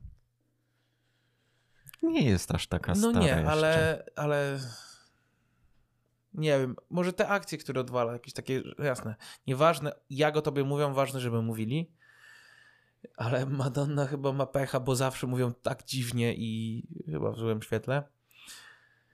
E, Ja na przykład, jeżeli chodzi o, o takie muzyczne emerytury, to mi się podoba to, co robi Paul McCartney. Wiesz, on sobie, on, on jest. On robi sobie teraz swoje. On ma tak dużo, y, powiedz mi, jak to określić? To są te tantiemy, tak? Mhm. Że on szczerze, jakby pewnie on i jego dzieci, i dzieci jego dzieci, i Już dzieci dzieci jego robić. dzieci nie muszą robić nic. Naprawdę. A on sobie siedzi, coś tam tworzy, gra. Wielcy, wiesz, naprawdę fani Paula McCartneya będą go sobie słuchać. Kupią płytę. Ta ostatnia piosenka e, Beatlesów, co Now and wyszła. Then? Now and Then, tak. spoko, nie? Tam w sumie to tak naprawdę Paul McCartney i Bon, nie Bono, Nie oj, Bono, oj, Ringo. i Ringo. Bono, Ringo to. Oj tam, oj tam. W każdym razie dla mnie to nie jest Beatlesowa piosenka. Ale Michał, to nie chodziło o to, że to będzie, to, to, to nie chodziło o to, że to ma być Beatlesowa piosenka. To ma być, to, to chodziło o to, że The Last Dance, wiesz, Jak Coena Thanks for the Dance. co? Ostatnia płyta Coena, pośmiertnie Ach. wydana. Thanks for the Dance. Coś w tym stylu. W sensie takie, to już takie dziękujemy, bo nigdy, nigdy już nie było czegoś takiego, że wiesz, witali się rozpadli, działali sobie, wiesz, zna- lubili się, no bo to jednak nie mogą się nie lubić. Jak One Direction. No. I teraz po tych wszystkich latach, gdzie już właśnie nie ma z nami e, George'a Harrisona. George'a Harrisona, nie, nie ma, ma z nami Lennona. tak, Zostało trzech Beatlesów. trzech. No, McCartney, Ringo Starr i mistyczny piąty G- y, Beatles. A, ale on już żyje, tak? Ten producent? E, Myślę, że tak. No dobrze, tam był Martin jakiś, nie? Tak. Czy też George? Nie George Martin, Nie, tylko... nie George Martin. Ale właśnie pomyślałem, że też akurat śmiesznie, że to jest George Martin. No możliwe. Yy, I to właśnie mi się wydaje, że to było takie the, po prostu the, the, the last dance. Że to dziękujemy. To jest już naprawdę ostatnia piosenka Beatlesów. E, A nie, George Martin. George Martin. Mhm. No. Tak jak y, wokalista Coldplay. A już nie żyje, w 16. No właśnie. No właśnie. Czyli tylko dwóch. Tylko dwóch. Miejsce 21. Alan Parsons Project i Don't Answer Me. Z, dla, z roku na rok ta piosenka jest dla mnie coraz, jest mi coraz bliższa. Ja nie wiem, jak to jest możliwe. W tym roku zamyka naszą, naszą listę piosenek wyróżnionych. Czy coś trzeba dodawać? Już wspominaliśmy o niej w jednym z naszych odcinków. U nas zamyka listę wyróżnień, a w Billboardzie Top, top 20 to była ostatnia piosenka Alana Parsona, więc Jeszcze w sensie, że jak ostatnia. A czyli wcześniej były inne i to była Tak. ostatnia, która się pojawiła tak. na liście. Uff. Ja ją najbardziej kojarzę. Nie, teraz odkrywam jakoś Alana Parsona powolutku, ale ta piosenka, jeżeli dzisiaj już wspominałem, tak jakby w tym odcinku wspominaliśmy już wiele razy o tej magii, to to jest it's a kind of magic. Mm, Albo king of magic, nie? Czaruje każdym dźwiękiem. Gdzie to jest na... szczerze? Michał, szczerze? To jest chyba taka bardzo mocna radiów... radiówka, nie? To jest radiówka. Tak. Radiówka z 84. Jak już mówiliśmy, lata 80. były dziwne. Były bardzo. Eee, I teledysk do tej piosenki też jest dziwny, o, o czym też już chyba zdążyłeś Tak. powiedzieć. Chociaż do tej piosenki teledysk jest najmniej dziwny z dziwnych teledysków. On jest yy, wyjątkowy, jest bardzo specyficzny, ale nie jest dziwny. To jest jakby też chyba właśnie animacja poklatkowa. Tak. 40 ludziom zajęło 23 dni, żeby cały teledysk zrobić. Yy, to jest faktycznie wyczyn. Wtedy to był wyczyn. Nadal to by to był wyczyn. W sensie to nadal, jeżeli rysujesz coś, to, to nie ma, że Kojarzysz Cupheada? tak. 8 lat. No właśnie. Także tutaj jak coś rysujesz, to no nie ma zmiłuj. To schodzi. Przy czym musimy powiedzieć, bo ktoś może nie kojarzyć, Cuphead to nie jest teledysk, to nie jest piosenka, to jest y, gra komputerowa, w całości rysowana odręcznie. Yy. Robi to wrażenie bardzo fajne. To jest wizualne doświadczenie. Bardzo przyjemne. Podobne jak tutaj, ale tu też właśnie Ale przy piosence Anna Parsona się nie denerwujesz. nie, to jest wręcz przeciwnie. Ja, ja się rozkoszuję i uspokajam. Nie chcę za wiele o tym mówić, yy, bo już tyle słów o tej piosence było powiedziane i ja coś czuję, że jeszcze kiedyś się pojawi. Bo naprawdę z roku na rok jest, yy, jest ona tylko częściej i częściej przeze mnie słuchana. Nie wiem, jak to działa. Aż się wzruszyłem delikatnie. Także słuchajcie, można zrobić teraz werble. Tam dodam. Miejsce dwudzieste. Earth, Wind and Fire w utworze September. Ilość instrumentów, które składają się na tę piosenkę, przekracza chyba ilość instrument, liczbę instrumentów, przepraszam, liczbę instrumentów na jakiejkolwiek innej piosence. Chyba tak. Tam jest, tam każdy instrument ma swoje miejsce i swój czas i swój cel, swoją misję do spełnienia i robi to najlepiej, jak tylko może. Ta piosenka pasuje. Tam nie ma miejsca, które nie pasuje. Które nie byłoby czymś wypełnione Tak. po brzegi. To też jest prawda, że jest ona bardzo nap- napchana, pełna, ale to jest wszystko zrobione z dobrym smakiem. Przez całe 3,35 minut. Przez też relatywnie y, znośny czas. No, dla ciebie znośny czas to było 12 minut Meatloafa. No było też, ale to nie znaczy, że mógłbym słuchać pięciu piosenek pod rząd, które trwają 12 minut. Chociaż szczerze, czasami się to zatraca już nie wiesz, czy to jeszcze, jeszcze ta sama piosenka, czy już inna. Dobrze, to zróbmy inaczej. Czy byłbyś w stanie puścić sobie w pętli e, I'd do anything for love? Chyba nie.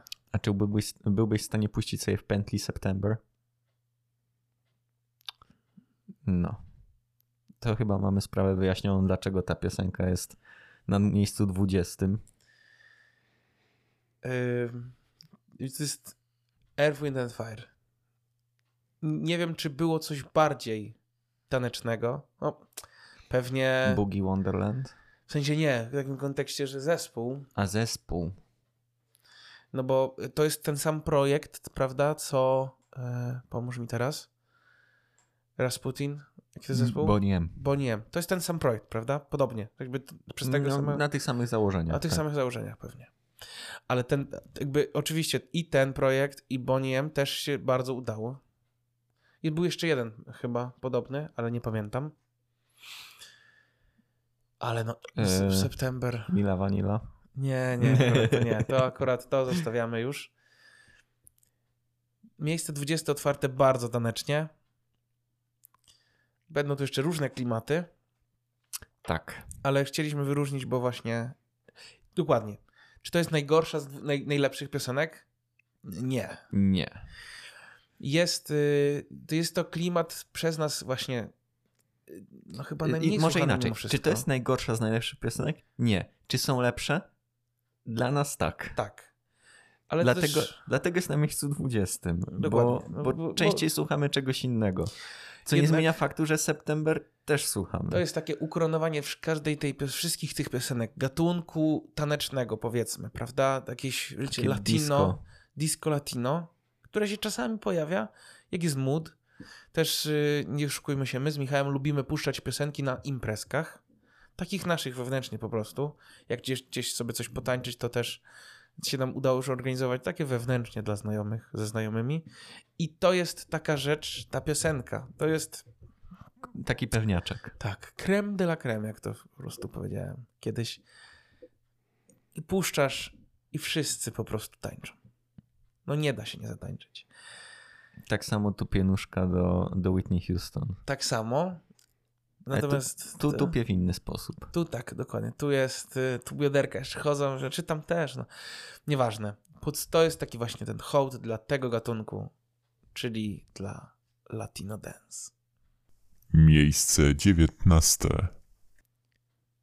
My Hero od Foo Fighters. To jest znów ciekawy przypadek.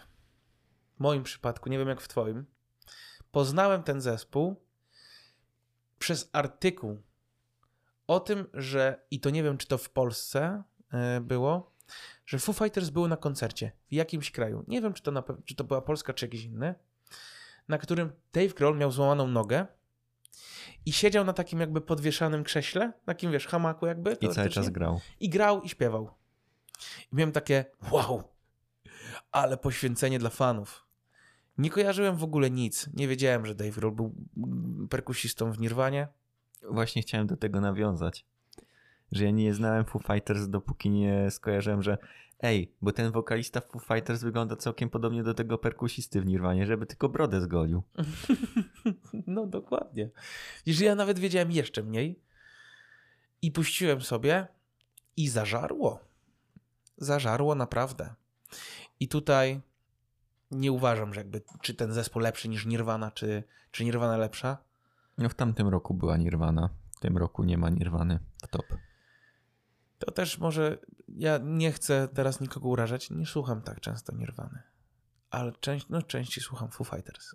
Czy dlatego, że Że nadal istnieją. Nie dlatego, to nie też, nie chodzi o to. Jakoś po prostu ten klimat do mnie przemawia.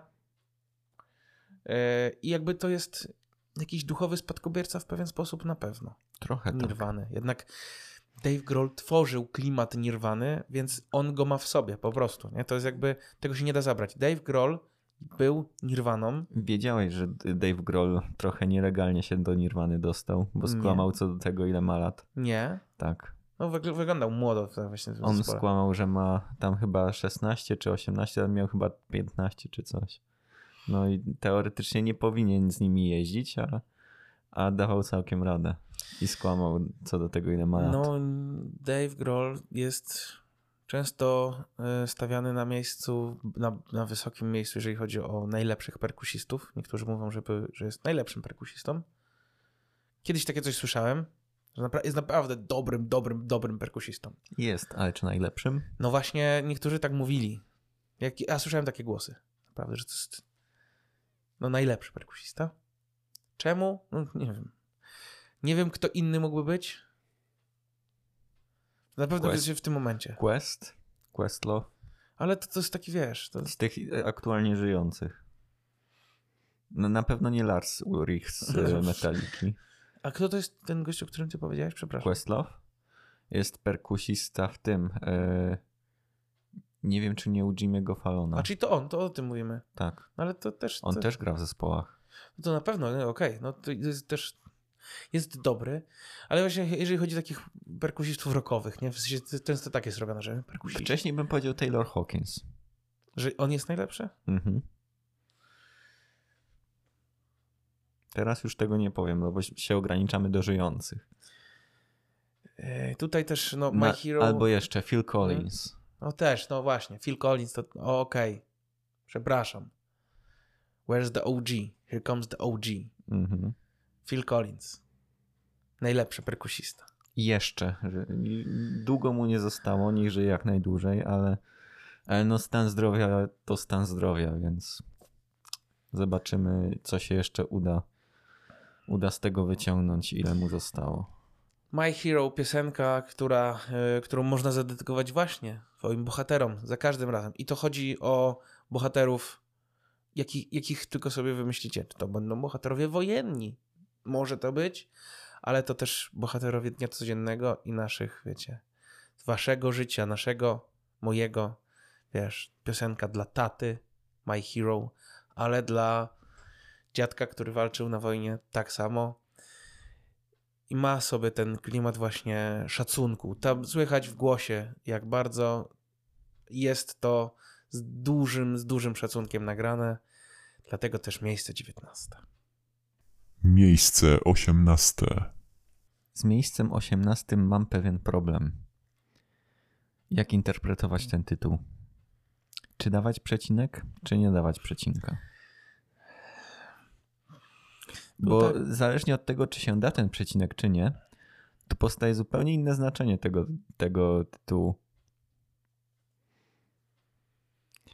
Yy, Jak ktoś się jeszcze nie zorientował, to mówimy o The Rolling Stones Painted Black yy, i przecinek yy, wcale nie między paint i it. Tu jest trudny, tru... Michał, zacząłeś trudny temat. Ale Painted Black jest. yy, To, to jest. Może przypad, tak jak w przypadku Anderson Dotpak. To ma być taki wyróżnik tylko. Żeby ludzie na to zwrócili uwagę. Podejrzewam, że prawda jest inna. Nie wiemy, jaki jest zamysł. Trzeba by się zapytać Mika Jaggera. Czym prędzej. Mhm. E, natomiast to nie zmienia faktu, że Painted Black jako jedna z najbardziej kultowych piosenek rockowych wszechczasów ja jakoś akurat, no to też można po, zobaczyć po topce albo po ubiegłego roku, czy, czy teraz, jednak Beatlesi. Ja jestem bardziej Beatlesowy. Michał, ty jesteś bardziej Rolling Stones czy bardziej Beatlesi? Kiedyś o tym już rozmawialiśmy. Chyba bardziej Beatlesi. No właśnie, ja też, dlatego dlatego Rolling Stones, miejsce 18. A co będzie dalej? A to zobaczycie. Miejsce 17. Led Zeppelin i Kashmir. I love Greta Van. No to jest po prostu niemożliwe z tym człowiekiem. Led Zeppelin to Led Zeppelin. Because I love Led Zeppelin. Ale jak ci puszczałem Led Zeppelin albo Greta Van Fleet, to Dobrze, połowie nie da się, ale no to jak chłop ma podobny głos, to co masz zrobić? Ale To zasługi... go bierzesz do zespołu. Co? To go bierzesz do zespołu. Dokładnie. Zasługi jednak y, Led Zeppelinów, czy Zeppelinów są olbrzymie. Niektórzy twierdzą, i też słyszałem określenia, jakoby Stairway to Heaven było najbardziej taką no, legendarną rockową klasykiem rocka. Takim najbardziej. Bardziej niż Bohemian Rhapsody. Bardziej, tak, tak, tak. W sumie w Starway to Heaven się dużo dzieje. No, w, dzieje się dużo. Rośnie tempo, Właśnie. coraz więcej instrumentów się dokłada. Oczywiście, że w Bohemian Rhapsody też dzieje się dużo, ale szczerze, to też kolejna, przepraszam, że tak powtarzam co chwila, szczerze, szczerze. Wydaje mi się, że Bohemian Rhapsody ostatnio po prostu zrobiło boom w internecie. Ostatnio to kiedy? Właśnie to jest takie, że przez na przykład 3 lata to już pojawiło się dużo programów takich muzycznych, wiesz, takich e, rozrywkowo-muzycznych na YouTubie. Ludzie o tym mówią i że ach, Bohemian Rhapsody Queen to po prostu no, no Freddie Mercury, no wow. A nie mówią o Led Zeppelin? No właśnie nie. Aż tak. Może. I, i, i tutaj dlatego chyba po prostu ta narracja się zmieniła. Ja to kiedyś słyszałem, jakoby właśnie to było jednak Stairway to Heaven. Każdy gitarzysta zna wstęp do... A, to, to tak, to prawda. Nawet Więc, jest, ale zaka- właśnie chodzi o to, że to jest zakaz rock. wykonywania w niektórych sklepach. Dokładnie. Ale chodzi o to, że rock, rock, rock, rock. Bo Bohemian Rhapsody jest yy, no też niby rock, ale to jest taka, ta piosenka jest bardzo, ona jest dziwna, nie? Składa się z wielu różnych fragmentów, które mają każdy inny klimat. Tak. I Tam to, masz trochę ballady, masz trochę power ballady, No właśnie. masz y, troszeczkę ostrzejszego rocka, więc... I w, po, w przypadku... Ale e, tak samo tutaj Stairway to Heaven. Inna sprawa, że w Bohemian Rhapsody masz roller coaster tam jedziesz góra dół, góra dół, góra dół, góra dół. A Stairway to Heaven masz po prostu początek od roller coastera i po, jedziesz powoli, powoli, powoli, aż do góry, aż do góry, do góry, do góry i spadasz. No tak. Yy, ale to też może chodzi kwestia, wiesz, czasu, w którym to się powstawało, że jakby, nie wiem, Michał, sprawdźmy, Sprawdźmy to. kiedy powstało Stairway to Heaven? Wydaje mi się, że wcześniej. Stairway to Heaven to jest e, późny 71. Okej. Uj. Nie, no to chyba spokojnie. Bohemian Rhapsody to jest 75. Yy, Led Zeppelin był też często, ja tak kojarzę, taki właśnie pierwszy bardziej metalowy zespół, no nie? Mhm. wtedy jakby te, teraz metal to jest yy, wtedy wtedy metal to jest dla nas teraz taki no spokojny rok. Helter Skelter. No właśnie, wtedy metal to teraz taki rok, nie? Jak dla mnie to nadal jest metal. Co? Helter Skelter. Tak, ale w sensie, że teraz metal, a wtedy metal to bez porównania. Nie, No jak nie? nie. No jak nie? Nie, to zależy też o jakim metalu mówisz. No Czy mówisz o takim metalu w stylu metaliki, to wtedy się zgodzę.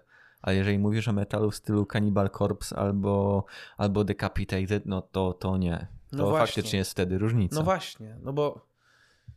Mm, Okej, no ale tylko właśnie, że to jest. Że przepraszam, za to, że to powiem, że jednak nie w tym kontekście, co myślicie. Metallica jest reliktem przeszłości. Jemu jest bliżej do metalu Helter Skelter niż do metalu Decapitated. Tak. Dlatego ono próbuje się, wiesz, tranzytować, przenosić, zmieniać, ale jest nadal bliższe tamtemu To też metalu. Okej, dobra, wiem o czym mówisz, ale to. To trochę tak, jakbyś, nie wiem, powiedział, że masz. E, e, rok, rok e, Chucka Berry'ego jest e, starym rokiem, a rok powiedzmy real estate'ów jest nowym rokiem. To trochę porównujemy dwa różne gatunki rocka. No okej. A No, tutaj i- porównujemy trochę dwa różne gatunki metalu. I tu mamy death metal, power metal, speed metal, e, decapitated i cannibal corpse'ów. A tutaj mamy powiedzmy coś takiego bardziej new wave'owego od metaliki. ja nie, ja nie, ja nie, jest jedna rzecz. Nie lubię określenia metal. Ja nie wiem, co to znaczy metal. Ja rozumiem, co to jest rock, albo właśnie rock i metal. Te dwa pojęcia są mi, są tak bliskie, jednocześnie tak dalekie i ja się gubię tym przypadku. Nigdy nie umiem tego nazwać. Natomiast okej, pomijamy Led Zeppelin też w pewnym momencie bardzo polubiłem, odkrywałem, słuchałem i do tej pory to jest kontynuowane. Czasami zdarzy nam się puścić. Pytanie, jak bardzo Led Zeppelin jest na tej liście, ponieważ lubimy Greta Van Fleet? Trochę. Trochę tak. Dlatego no jednak e, ja będę walczył o zawsze za oryginalnymi wykonawcami, wokalistami zespołu. No dobra, okej, oryginalnymi. Tylko teraz pytanie. Oryginalnymi, bo cover, czy oryginalnymi, bo czerpiemy inspirację? I to i to, no wiesz. Jakby... Ale Greta nie robi coverów. Oni nie, Nie chcą robi. robić coverów. Nie robią, ja wiem, czerpią inspirację, ale inspirują się, jakby to, to nie jest tak, że inspirują się gorszymi. Nie? Jak, Ja- jak już masz zżynać, to najlepsze. No właśnie, więc to nie jest tak, że oni kojarzą jakiś taki zespół wiejski, wiesz, yy, z Dobieszyna. Kombajn do zbierania kur po wioskach. No właśnie. Tylko inspirują się. Swoją drogą to jest faktyczny zespół. Okej. Inspirują się, no właśnie, najlepszymi. Robert Plant, Jimmy Page, John Bonham. Nie? To są, to są, to była, to jest topka. I dlatego ja mówię, zawsze będę miał pełen, no, no olbrzymi szacunek do oryginalnych wokalistów, bo jednak wykonawców zespołów. Bo to są, no właśnie to, bez tego nie, nie byłoby tego. Miejsce 16. Na kolejnym miejscu Little Lies od Fleetwood Mac. Piosenkę, którą w Polsce się kojarzy, bo Skyfan, Skyfan, Skyfan, Skyfan wykorzystał ją w swojej poważnej analizie płaskiej ziemi. Tell me lies, tell me sweet little lies. Naprawdę? Nie pamiętam tego. Nie pamiętasz? Nie pamiętam tego fragmentu, jak on to wykorzystał. Dla mnie, przepraszam, dla mnie no Fleetwood Mac to Fleetwood Mac i to jest piosenka, która jest puszczana w radiu. Kiedy? Ja ją kojarzę z radia. Którego? Nie wiem, no kojarzy, leci. Chyba złote przeboje. No nie no, bez przesady, no jednak wiesz. Na SC nie poleci. No to- na no. RMFC nie poleci. No jak na RMF-ce nie poleci? Poleci. A RMF Albo- Classic chyba. Ale leciało, może. Tylko, że ja to, ja to kojarzę, okej, ważna rzecz, no jednak te lata, kiedy ja nie jeździłem, nie prowadziłem samochodu, tylko jeździłem jako pasażer, Mhm. wtedy jechaliśmy na przykład do babci samochodem, pyk, i mogło to polecieć. Więc to był już jakiś, jakiś czas temu. I wtedy spokojnie leciało w radiu. A teraz nadal ludzie o tym pamiętają, bo Fleetwood Mac, mimo swojej pokrętnej historii i naprawdę akcji, które tam się działy, to jest jeden z bardziej rozpoznawalnych zespołów, takich właśnie, co, no rockowych? Właśnie. To jest moje osobiste odczucie, ale Mhm. dla mnie to oni nie są rockowi. No bo nie są, przepraszam. W sensie, mówię, to jest moje osobiste. Wikipedia ich klasyfikuje jako pop rock, soft rock. No i tak bym to mógł sklasyfikować też. Chciałem to powiedzieć, taki pop rock. Mhm. Wtedy tak. Ale to jest bardziej właśnie folk, soft rock, bardziej folk nawet, niż bardziej pop, pop folk, Pop folk. niż taki pełny rock. A to już jest bardziej taka kwestia klasyfikacji. Tak. I A, a sama piosenka jest po prostu no dobra. Słucha się jej przyjemnie. E, mówię, tu wracamy do samego clue naszej listy. Umieszczamy i jakby nagradzamy zespoły slash piosenki, które słuchamy najczęściej, ale też jednak mimo wszystko mają jakieś znaczenie również w historii muzyki i odbiły się na, wiecie, w historii tak właśnie też szerokim uch, e, echem. Echem, tak. Dlatego w tym przypadku Fleetwood Mac, Fleetwood Mac jako całość i z tych fajnych piosenek znanych i Little Lies Jako wisienka na torcie. Miejsce 15. Leonard Cohen Boogie Street. Boogie Street z albumu Ten New Songs z 2001 roku. No, ten album powstawał bardzo długo. On powstawał od e, 1990 w sumie e, 9, czyli dwa lata. To nadal nie tyle co e, album Systemowe Down, na który czekamy już prawie 20.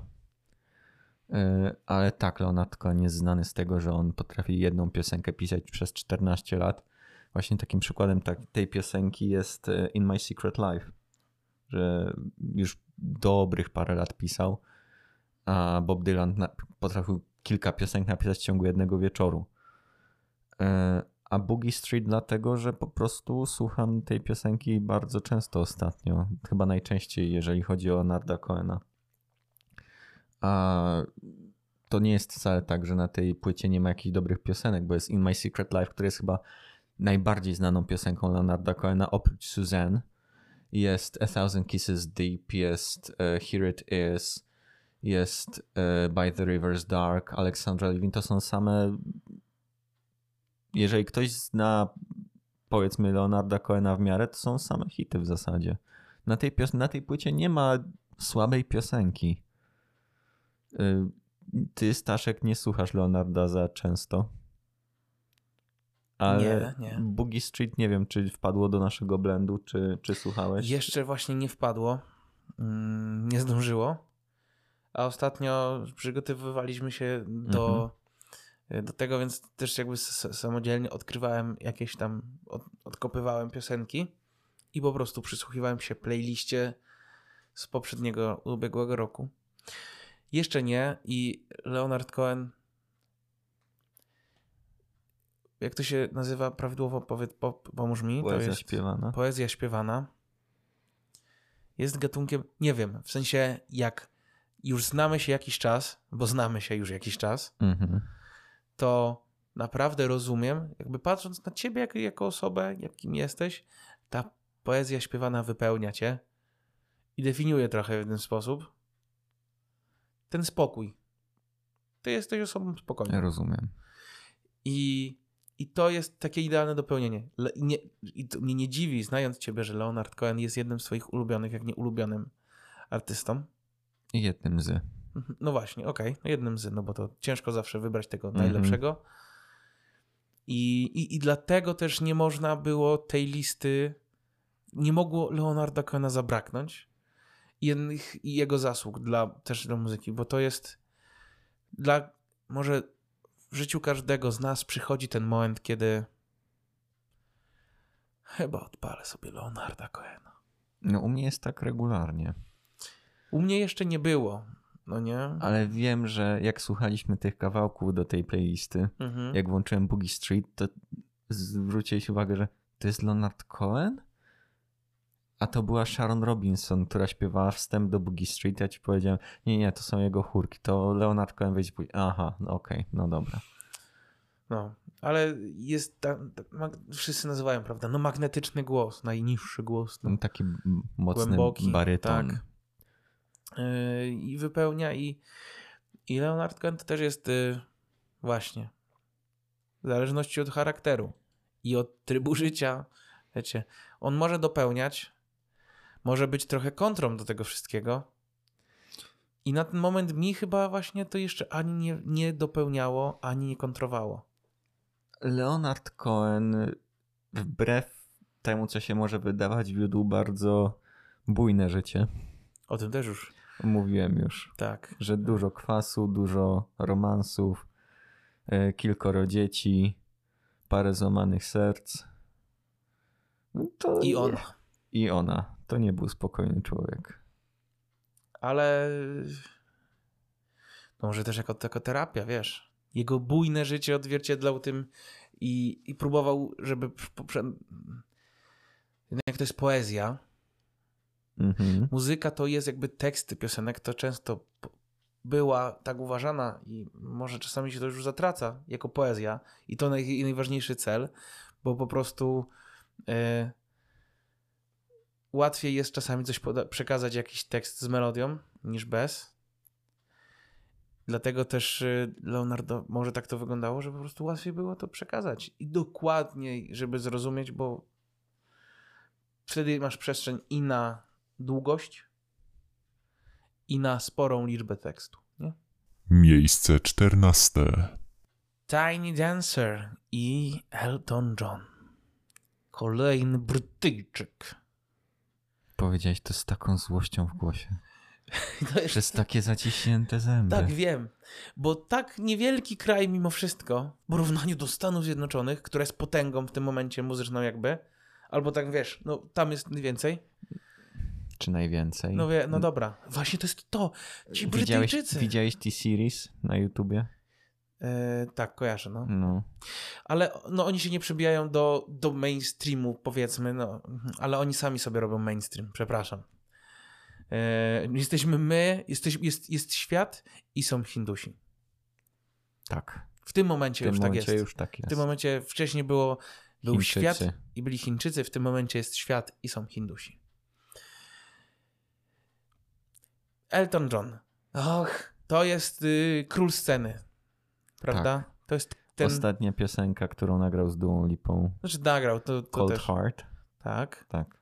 Jest Tak. masza przynajmniej jego z pięciu piosenek? Chyba tak. To jest tam jest ich kilka na pewno. I, i Dua Lipa tam tylko śpiewa. Ona nie ma swojej żadnej piosenki tam, że w tym maszapie. Ona po prostu pasuje do Użycza tego. wokalu. Tak, bo to, to właśnie z tej taka taneczna era bardzo dobrze koreluje z tym podejściem do muzyki e, i do występów Eltona Johna. Pasuje to naprawdę. E, No, Elton John już też zasłużony bardzo muzyce. muzyce. Dostał ordery. Oj, Nie jeden. no nie jeden. Sir Elton John. Tak. Tytuł rycerski. Mm, to też już o czymś świadczy. Jak bardzo właśnie też przyczynił się może dla rozwoju i świadomości o Wielkiej Brytyjskiej Brytanii. muzyce. Tak, brytyjskiej muzyce. I kurczę, teraz to jest y, może na, na liście tego akurat w tym momencie, na naszej liście tego nie czuć, ale brytyjska muzyka nie jest wcale daleko za amerykańską, ale też nie, był, nie bałbym się stwierdzenia, że może nawet jest przed nią. Tak myślisz? Słuchaj, no popatrz na to właśnie. Dokładamy do listy. Beatlesi, Mhm. Eee, Rolling Stonesi Byli. byli. Elton John. Mhm. Obecnie. Ed Sheeran. Tak. Adele. Dua Lipa. Dua Lipa. I jeszcze wracając wcześniej, mówię, Who, Pink Floyd. Pink Floyd to też są... Nie, Pink Floyd chyba nie akurat. Pink Floyd nie, już nie jest amerykański. Pink tak Floyd jest szczerze. chyba amerykański. Angielski. Angiel... Z Londynu. I widzicie, myślisz sobie, nie amerykański. Nie, nie, nie, brytyjski. Brytyjski. One Direction. Tak. Brytyjski. Tak. Że to jest to, że w sensie Ameryka jest krajem tym go-to dla muzyków, bo to jest raj. Tam wszystkie, prawda, największe studia muzyczne, sceny. Jest też mnóstwo ludzi, którzy tę muzykę rozumieją, bo mm, angielski. Ale jednak właśnie to jest to, że ten, ten talent leci tam. Po prostu. z Ale to- Wielkiej Brytanii. To też nie jest tak, bo wiesz, że ja słucham dużo Roba Scalona. No, No i jak nagrywali nową płytę dla First of October, no to przyjechali do Wielkiej Brytanii ze Stanów Zjednoczonych spod Chicago. no tak, no. Do Wielkiej Brytanii, żeby specjalnie w Abbey Road Studios nagrać swoją płytę. Nie, nie mówię, że oczywiście, że tych studiów muzycznych tam nie ma. No ale jakby tak wychodzi tendencja. Elton John, nie tylko Tiny Dancers, ale pełno wię...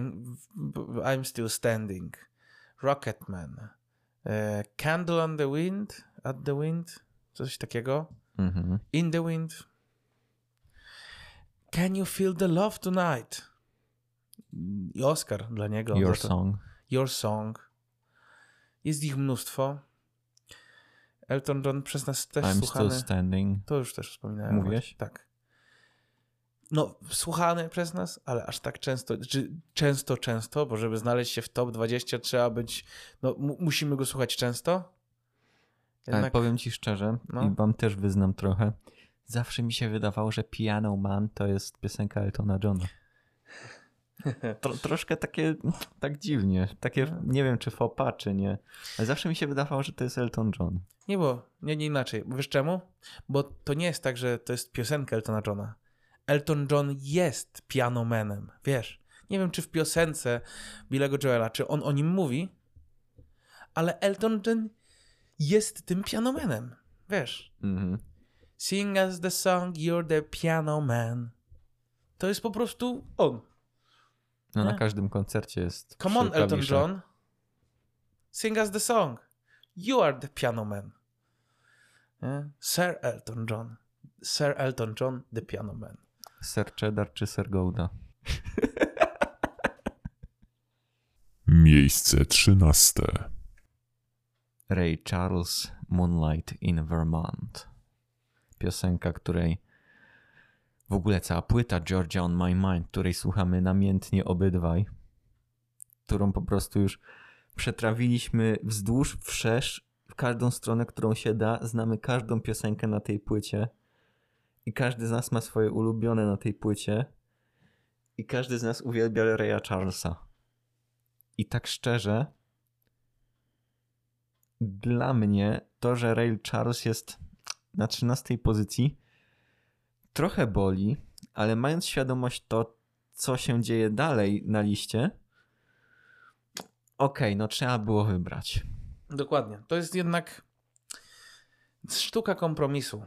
Tak naprawdę ta, ta playlista to jest sztuka kompromisu między nami. E, I można, można to by było trochę może pozmieniać jeszcze. Z racji, że tak często jest słuchana, to trochę była słuchana. Może czasami było trzeba też przystopować. Jednak właśnie, to jest to, że to są najbardziej zasłużeni dla nas, przez nas doceniani artyści, umieszczeni w tej kolejności, że okej, na ten moment, albo w danym dniu dosłownie był klimat, że może to jednak Pójdźmy On- w jazz. tak, albo w to. Więc nie mogę powiedzieć, że oni też są wymienni, bo jednak stwierdziliśmy, że te 20 piosenek Mają kolejność. mają kolejność. I w tym roku Ray Charles akurat na tym miejscu. Co nie znaczy, że w przyszłym może być wyżej. Miejsce dwunaste. Genesis Land of Confusion. Nie Alcazar, bo Alcazar miał This is the world we live in. To jest cover. I to taki... Ale to dobrze zrobił, nie? Słyszeliście, jak dobrze to zrobił? Michał, może jakaś kariera beatboxera? Nie powiem, że nie. Genesis, czyli nie będziemy się kłamać, Phil Phil, Collins. Collins. O którym też już była mowa By- Już byłaby mowa w tym odcinku, więc chyba jeszcze się upewnię, czy ale większego shoutoutu dla ta mojego taty niż, niż teraz nie ma, bo to też dzięki niemu ja, a ty, czy ty tak sam z siebie zacząłeś słuchać? Czy też dzięki mojemu tacie? Nie, nie, nie. Dzięki twojemu tacie nie, ale, ale ja Phila Collinsa zacząłem słuchać jako Phila Collinsa, nie Mhm. jako Genesis. Wiem. I to przez e, e, mm, przez tę piosenkę, jak ona się nazywała? E, you Gotta Wait for Love, czy, czy jak ona się nazywała? Don't hurry love. Tak, i, y, You can't hurry love. You Can't Hurry Love, dokładnie. To, The Marblets. Tak, to była ta pierwsza piosenka chyba, którą y, Phila Collinsa słyszałem. Właśnie tutaj chciałem to zostawić teraz, że nie chciałem o tym po prostu mówić wcześniej, e, akurat przy Cindy Lauper. Czemu Phil Collins, tak świetny muzyk, tekściarz, Robi cover. robi kawery i skawerował Can't Hurry Love i to nieszczęsne True Colors. True Colors. Ja ci powiem dlaczego. E, Jako Bo- hołd też myślisz? Też, ale to jest tak, że jeżeli czujesz piosenkę i chcesz być jej częścią, a nie możesz za bardzo, wiesz, e, się zainspirować, no to ją coverujesz po swojemu. No okej. Czyli aż tak z tobą rezonuje. O. Mhm, myślę, że tak. Że to jest e, ten, ten główny przyczynek, dla którego ten cover powstał. I ten True Colors też. No bo jednak wiecie, emocjonalnie Cindy Lauper w True Colors to jest Też roznosi. tak. I właśnie to było takie panie Philu Collinsie. Czemu? Ale twój mogę. argument jest bo, bo mogę. Bo może. Miejsce jedenaste. Na miejscu jedenastym Edyta Bartosiewicz skłamałam. Raczej Staszek skłamał. Dlaczego Staszek skłamałeś? Powiedziałem, że September to jest y, ten hołd dla wszystkich tanecznych latino dance piosenek, które słuchamy. I skłamałem, bo tym największym hołdem, Tym faktycznym, tym jedenastym, faktycznym jedenastym jest- numerem. Masz Canada od Sergio, Sergio Mendes. Mendesa i Brazil 66. To jest już coś więcej. To jest po prostu, to jest, no, wiecie co? Rzeczy, które powiedziałem o, o September są nadal prawdziwe, bo tam Ale jest pełno Prze- wszystkiego. przemnóżcie to razy dwa przy Maszkenadzie. Tak. I usuńcie wszystkie te instrumenty, które nie pasują do latino, nie? Tak, te wszystkie funkowe rzeczy. Tak, bo właśnie to jest dance funk może, a to już To prawdziwe już samba. samba i latino dance. Dziesięć. Rozpoczynamy odliczanie. I co? Michał, Było- shall we dance? Było gdzie? Tak, e, Shall We Dance. Jak we Brenner e, i Deborah Kerr. Tak, Shall we dance? tak. E, Z musicalu Król i ja. Miejsce Nie, nie, dziesiąte? nie, nie. Co? nie. Co? To, to nie jest to, nie jest to miejsce dziesiąte. Na miejscu dziesiątym jest David Bowie i Let's Dance. David Bowie, powiemy szczerze, Let's Dance jest jedyną piosenką, którą słuchamy Davida Bowiego. No, mi się zdarzy czasami ground control, the major tone. Tak, Ale, znaczy, czyli, czyli, e, moment, Space Odyssey. Spedy Oddity. Tak. Oddity. E, David Bowie, Ale on zainspirował tyle, właśnie to jest to. tyle nowoczesnych artystów, że nie możemy pominąć jego roli dla nowoczesnej muzyki. Była dyskusja między nami, czy tu może jeszcze zrobić drobne korekcje. Jednak to, co właśnie teraz Michał powiedział. Czasami lepiej być nauczycielem i w taki sposób zapisać się w historii, niż tylko bycie wielkim, wielką gwiazdą. David Bowie jest omoma. No. Jest wielką gwiazdą, był wielką gwiazdą. A Słyszałeś fragment jego wywiadu? E, w sensie którego? E, jak e, dziennikarz się go zapytał e, o jedną rzecz, a, a David Bowie odpowiedział: Ty się pytasz mnie, jak to jest być wielką gwiazdą rocka i mieć za żonę supermodelkę? Czy to jest najlepsza rzecz na świecie? Jest. Mogę, no. Te... Who- y, What you doing for the living? I'm Davi- David Bowie for the living. To jest to jakby tylko tyle i aż tyle. Dziewięć. R.E.M. i Losing My Religion. tracimy naszą religię, ściągamy pejsy. E, Ściągamy jarmułkę, odpinamy Tak. pejsy i... Że Ten żart jest mocniejszy ode mnie, nie mogę. To jest nasz żart z Michałem, Tak, to jest, autorski. To jest taki inside joke, Tak, to, to jest już inside joke, bo pewnie... już kilkuletni.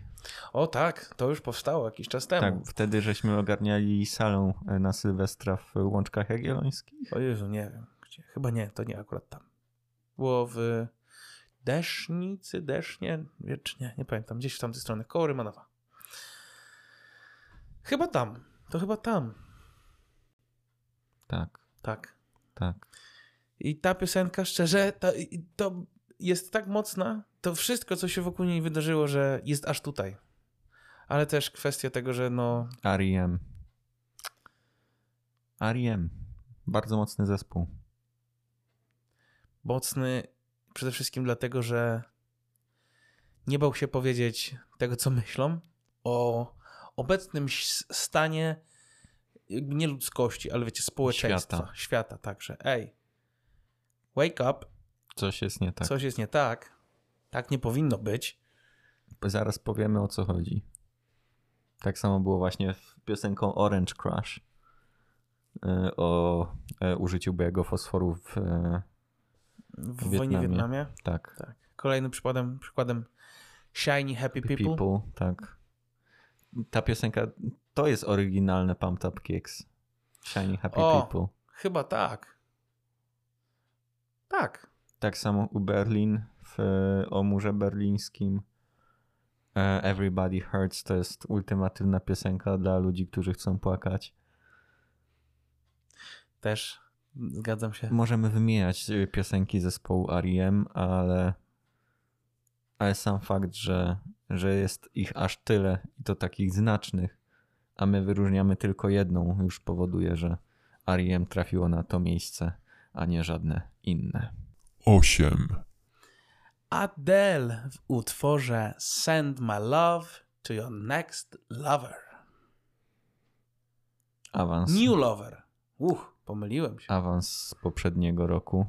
W Bardzo poprzednim duży roku awans. była na 23 miejscu. Teraz, Teraz ósmy. umieściliśmy ją na ósmym. Dlaczego? Adele jest cały czas na topie.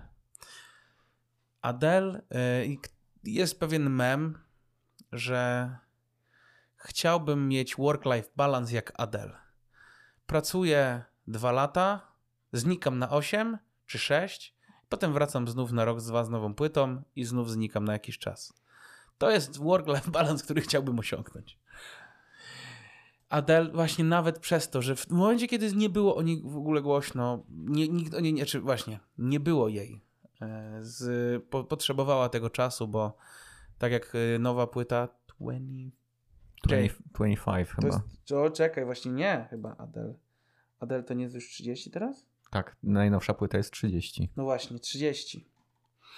Czyli w momencie, kiedy była płyta 30, y, nagrana, w sensie, kiedy się nagrywała, ją nagrywała, tam działo się różne rzeczy, to też można słychać, że to jest, to był trudny czas, może dla Adele, żeby się odnaleźć w swoim życiu. Te. I Bo Adele to jest tak, że im więcej ciebie, tym mniej. W sensie im więcej ciebie, tym, tym mniej. dzisiaj y, Dzisiaj program komediowy. program komediowy do usłyszenia, po prostu kontratakuje. Dużo o tym, o, o niej też rozmawialiśmy, pojawiła się w jednym z naszych odcinków. Tak. Plus, w przeciwieństwie do Eda Sheerana, którego Michał aż tak nie lubi. Nie, że nie lubię. Nie właśnie to jest to, ale aż tak. Właśnie ty nie lubisz A, go aż, aż tak. tak. tak. Nie lubisz Mhm. go aż tak. To Adele lubisz Mhm. bardzo. Tak. I tu się zgadzamy co do tego. Co do Że- piosenki, yy, To jest jedna z moich ulubionych piosenek. ja też ją lubię. Just the guitar, please. Program komediowy do usłyszenia.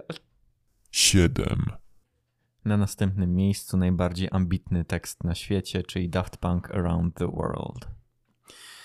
Jeżeli ktoś dziwi się, że Daft Punk znajduje się tak wysoko w tym roku, to chyba nie słuchał żadnego naszego odcinka. Albo wielu, a na pewno jednego. Na pewno tego samplingu. Dokładnie. Daft Punk w tym roku pojawiał się mnóstwo razy jako przykład samplingu, bo jest to najlepszy przykład samplingu. Robią to najlepiej na świecie. Dlatego też jako miejsce siódme, no wiecie, fajnie jest zżynać od innych, dobrze zrobić coś samemu. Ale trzeba też zżynać dobrze. Trz- Trzeba też znać dobrze, a oni robią to najlepiej. Może wrócą, bo, bo chciałem powiedzieć właśnie, że robili to najlepiej, bo już nie robią. No ale ta spuścizna nadal. Olbrzymia. No weź to, że ten zespół istniał tak wiele lat, nie? A teraz o nim jest przykład jakby, wiecie, artystów, nie? Jak, Gdy- jak Mozarta, że dopiero po śmierci Tak. się okazało, że, że jego rzeczy są dobre.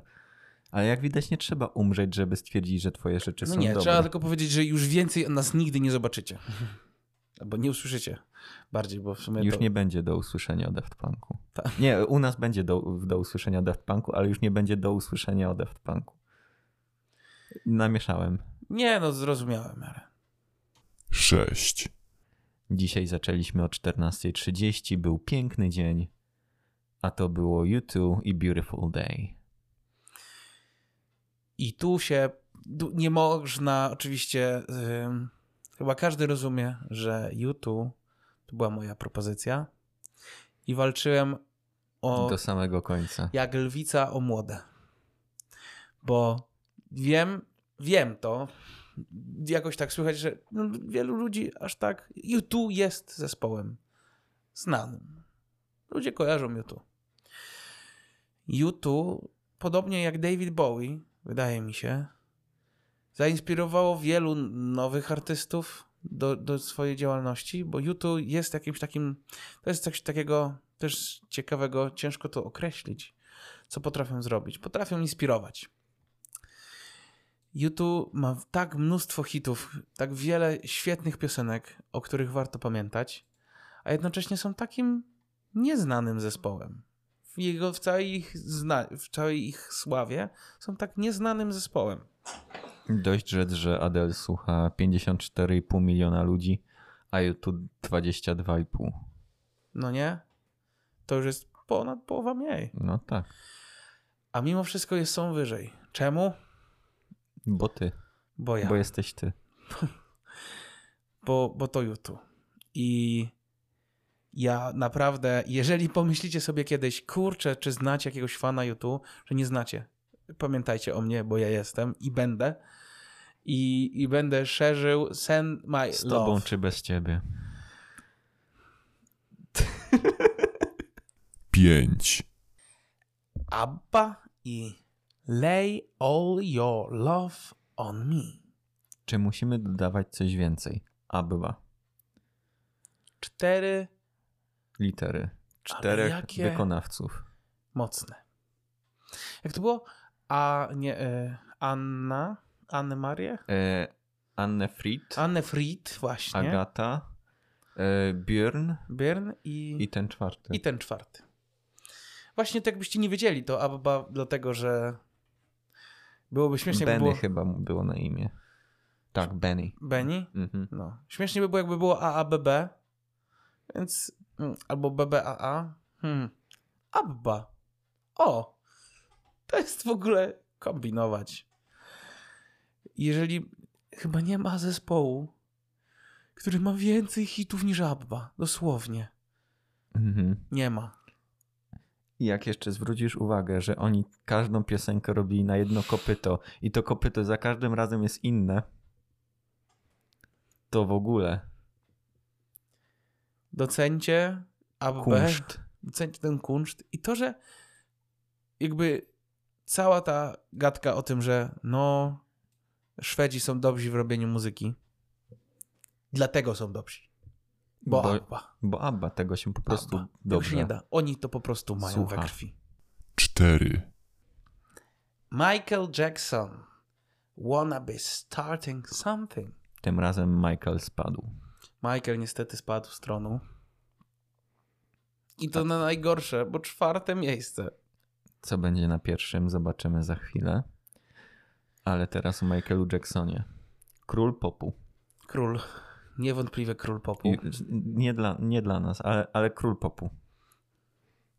Dla nas też. W sumie. Yy, Ale to królowa znaczy... jest tylko jedna. I nie, nie mam na myśli Dody. O Michaelu, tak samo jak o Abie, nie trzeba mówić wiele. Nawet już ciężko cokolwiek powiedzieć więcej. Co nie było powiedziane. Tak. W tym roku po prostu Michael trochę mniej. 3, I teraz wspólnie idziemy na podium, bo na miejscu trzecim Come Together od The Beatles. I The Beatles chyba pozostaje bez zmian na miejscu trzecim. Chyba tak mi się wydaje. Michał, możesz to szybko sprawdzić? pewnie. Y, nie, spadek Spadek. z drugiego. A piosenka wtedy? Here Comes the Sun. Wspomniałem i uwaga, ja dzisiaj po prostu jestem kłamcą niedorzecznym. Jeżeli bo była mowa o tym, że Abba ma najwięcej hitów chyba. Ojoj. Tu bym się kłócił. No okej. Tu bym się kłócił. Oj, tu bym się Dobrze. kłócił. Kłócił? Może tak, ale Nie mogę odebrać tego, że Beatlesi mają tonę hitów. właśnie to miałem powiedzieć, że mają mnóstwo, ewentualnie są po prostu na drugim miejscu za Abbą. Czy da się to porównywać? Co? W sensie o ilości tych znanych piosenek. No bo na przykład To mają... i, inaczej, jak zdefiniujesz znaną piosenkę? Nie wiem, dobra, ciężko to zrobić. No dobrze. Mają mniej hitów. Może być? Ja tu zawsze wolę grać rolę adwokata diabła. Jednak wylądowali na miejscu drugim, trzecim. Trzecim, spadek Abba. z drugiego. Abba była troszkę wyżej, bo no, jeżeli chodzi o wpływ na historię muzyki, to na ten moment nie ma zespołu, który by zmienił więcej niż Beatlesi.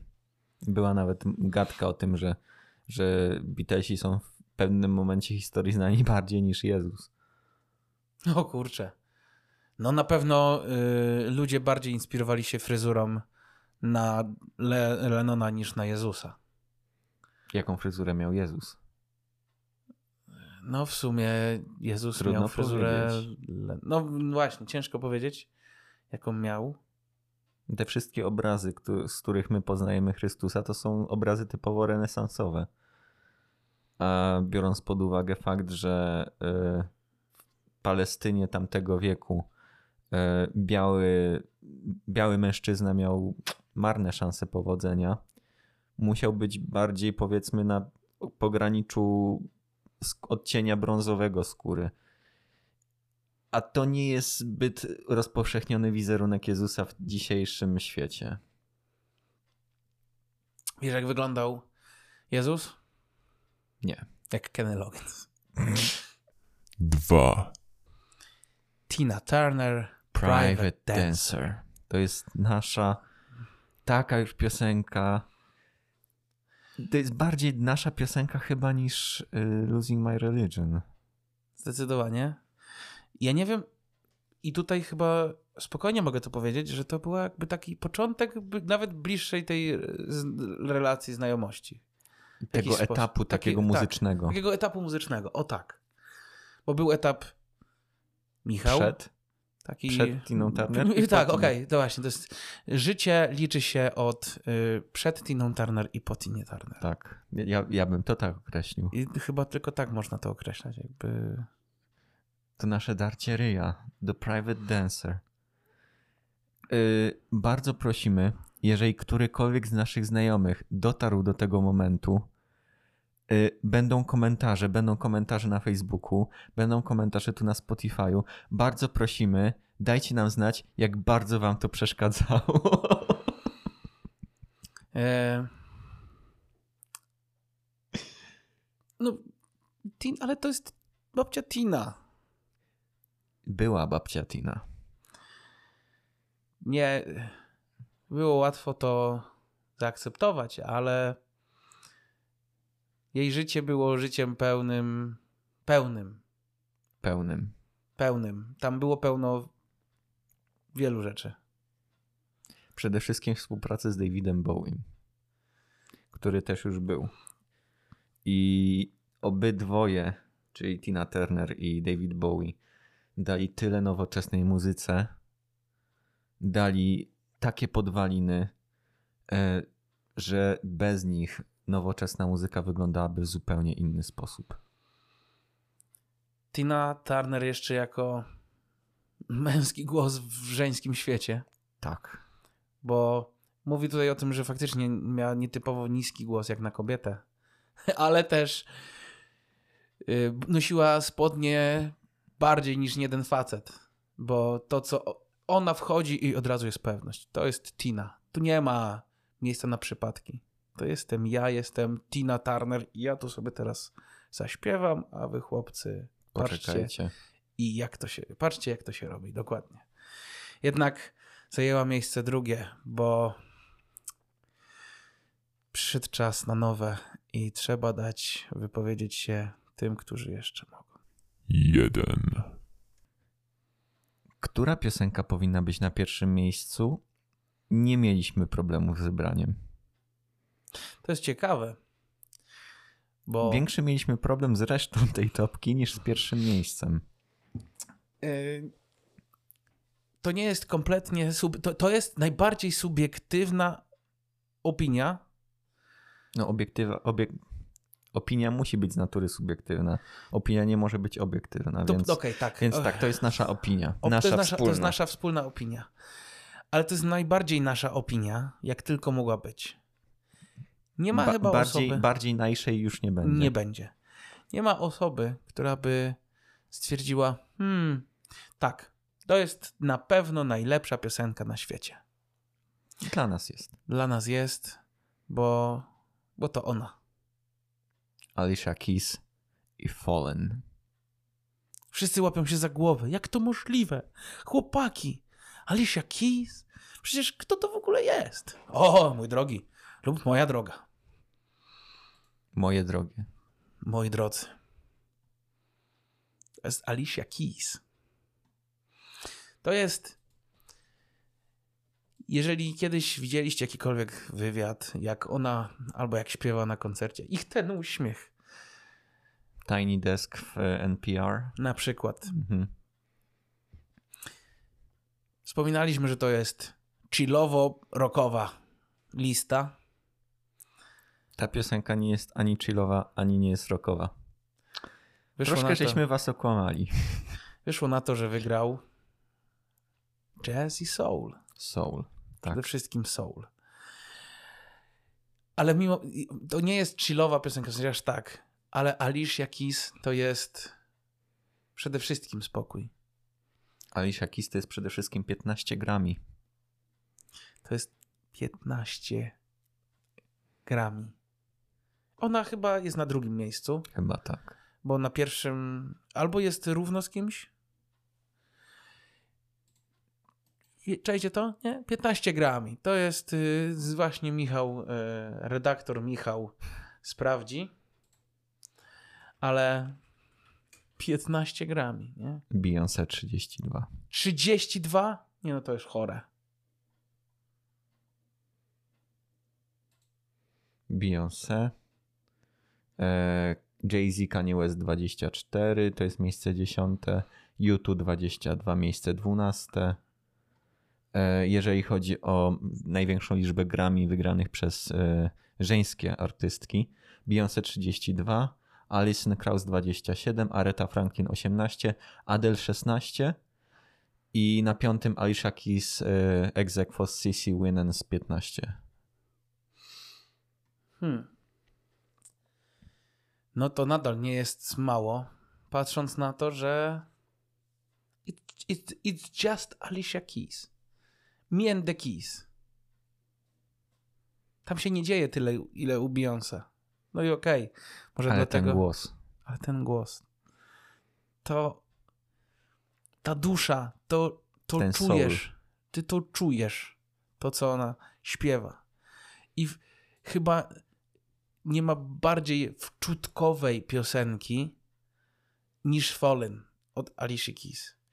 Ten groove, który się właśnie w refrenie zaczyna. No, to jest właśnie, to jest opinia nasza. Bo bardziej nie mogła być nasza, bo Alicia Keys to jest nasza codzienność, dosłownie. To jest, przychodzisz, dobra, to zapuść coś. Alicja Keys? Alicja Klucze? Może być, może być, dobra, to puść. Lecimy. I dyskusje, no stop. O, dobra, to puść Alicję. Może będzie. Gramy coś, tle. Alicia Keys? Pewnie. Może być. Bo jest czas na nowe. Ona też nie jest już tak nowa Jak Dua Lipa. jak Dua Lipa. Ale, Ale, nadal młodsza niż Tina Turner.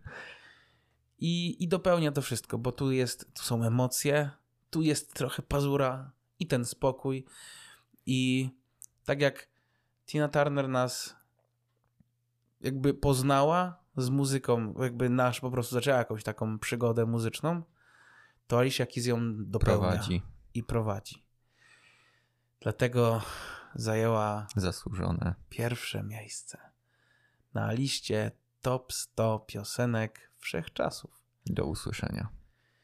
Top 20 do usłyszenia. Więc To była długa podróż, bo ponad 4 godziny. Aż boli samo powiedzenie ponad 4 godziny. Boję się stwierdzenia, że kiedyś tego nie pobijemy. Jesteśmy nieprzewidywalni. I pamiętajcie, do usłyszenia to przede wszystkim program komediowy. Tak. Wydaje się wam, że słuchacie podcastu muzycznego? Nie. Mm-mm. Nie. Program egzystencjalno-komediowy, Filozoficzny. filozoficzno-komediowy. Muzycznie no to tam, Nie, tam na, przy pi- okazji. na piątym miejscu. E, tutaj, teraz je, możemy, mamy, to jest nasz czas, więc dziękujemy za ten rok. Dziękujemy wam za te wszystkie odsłuchania. Cieszymy się au autentycznie.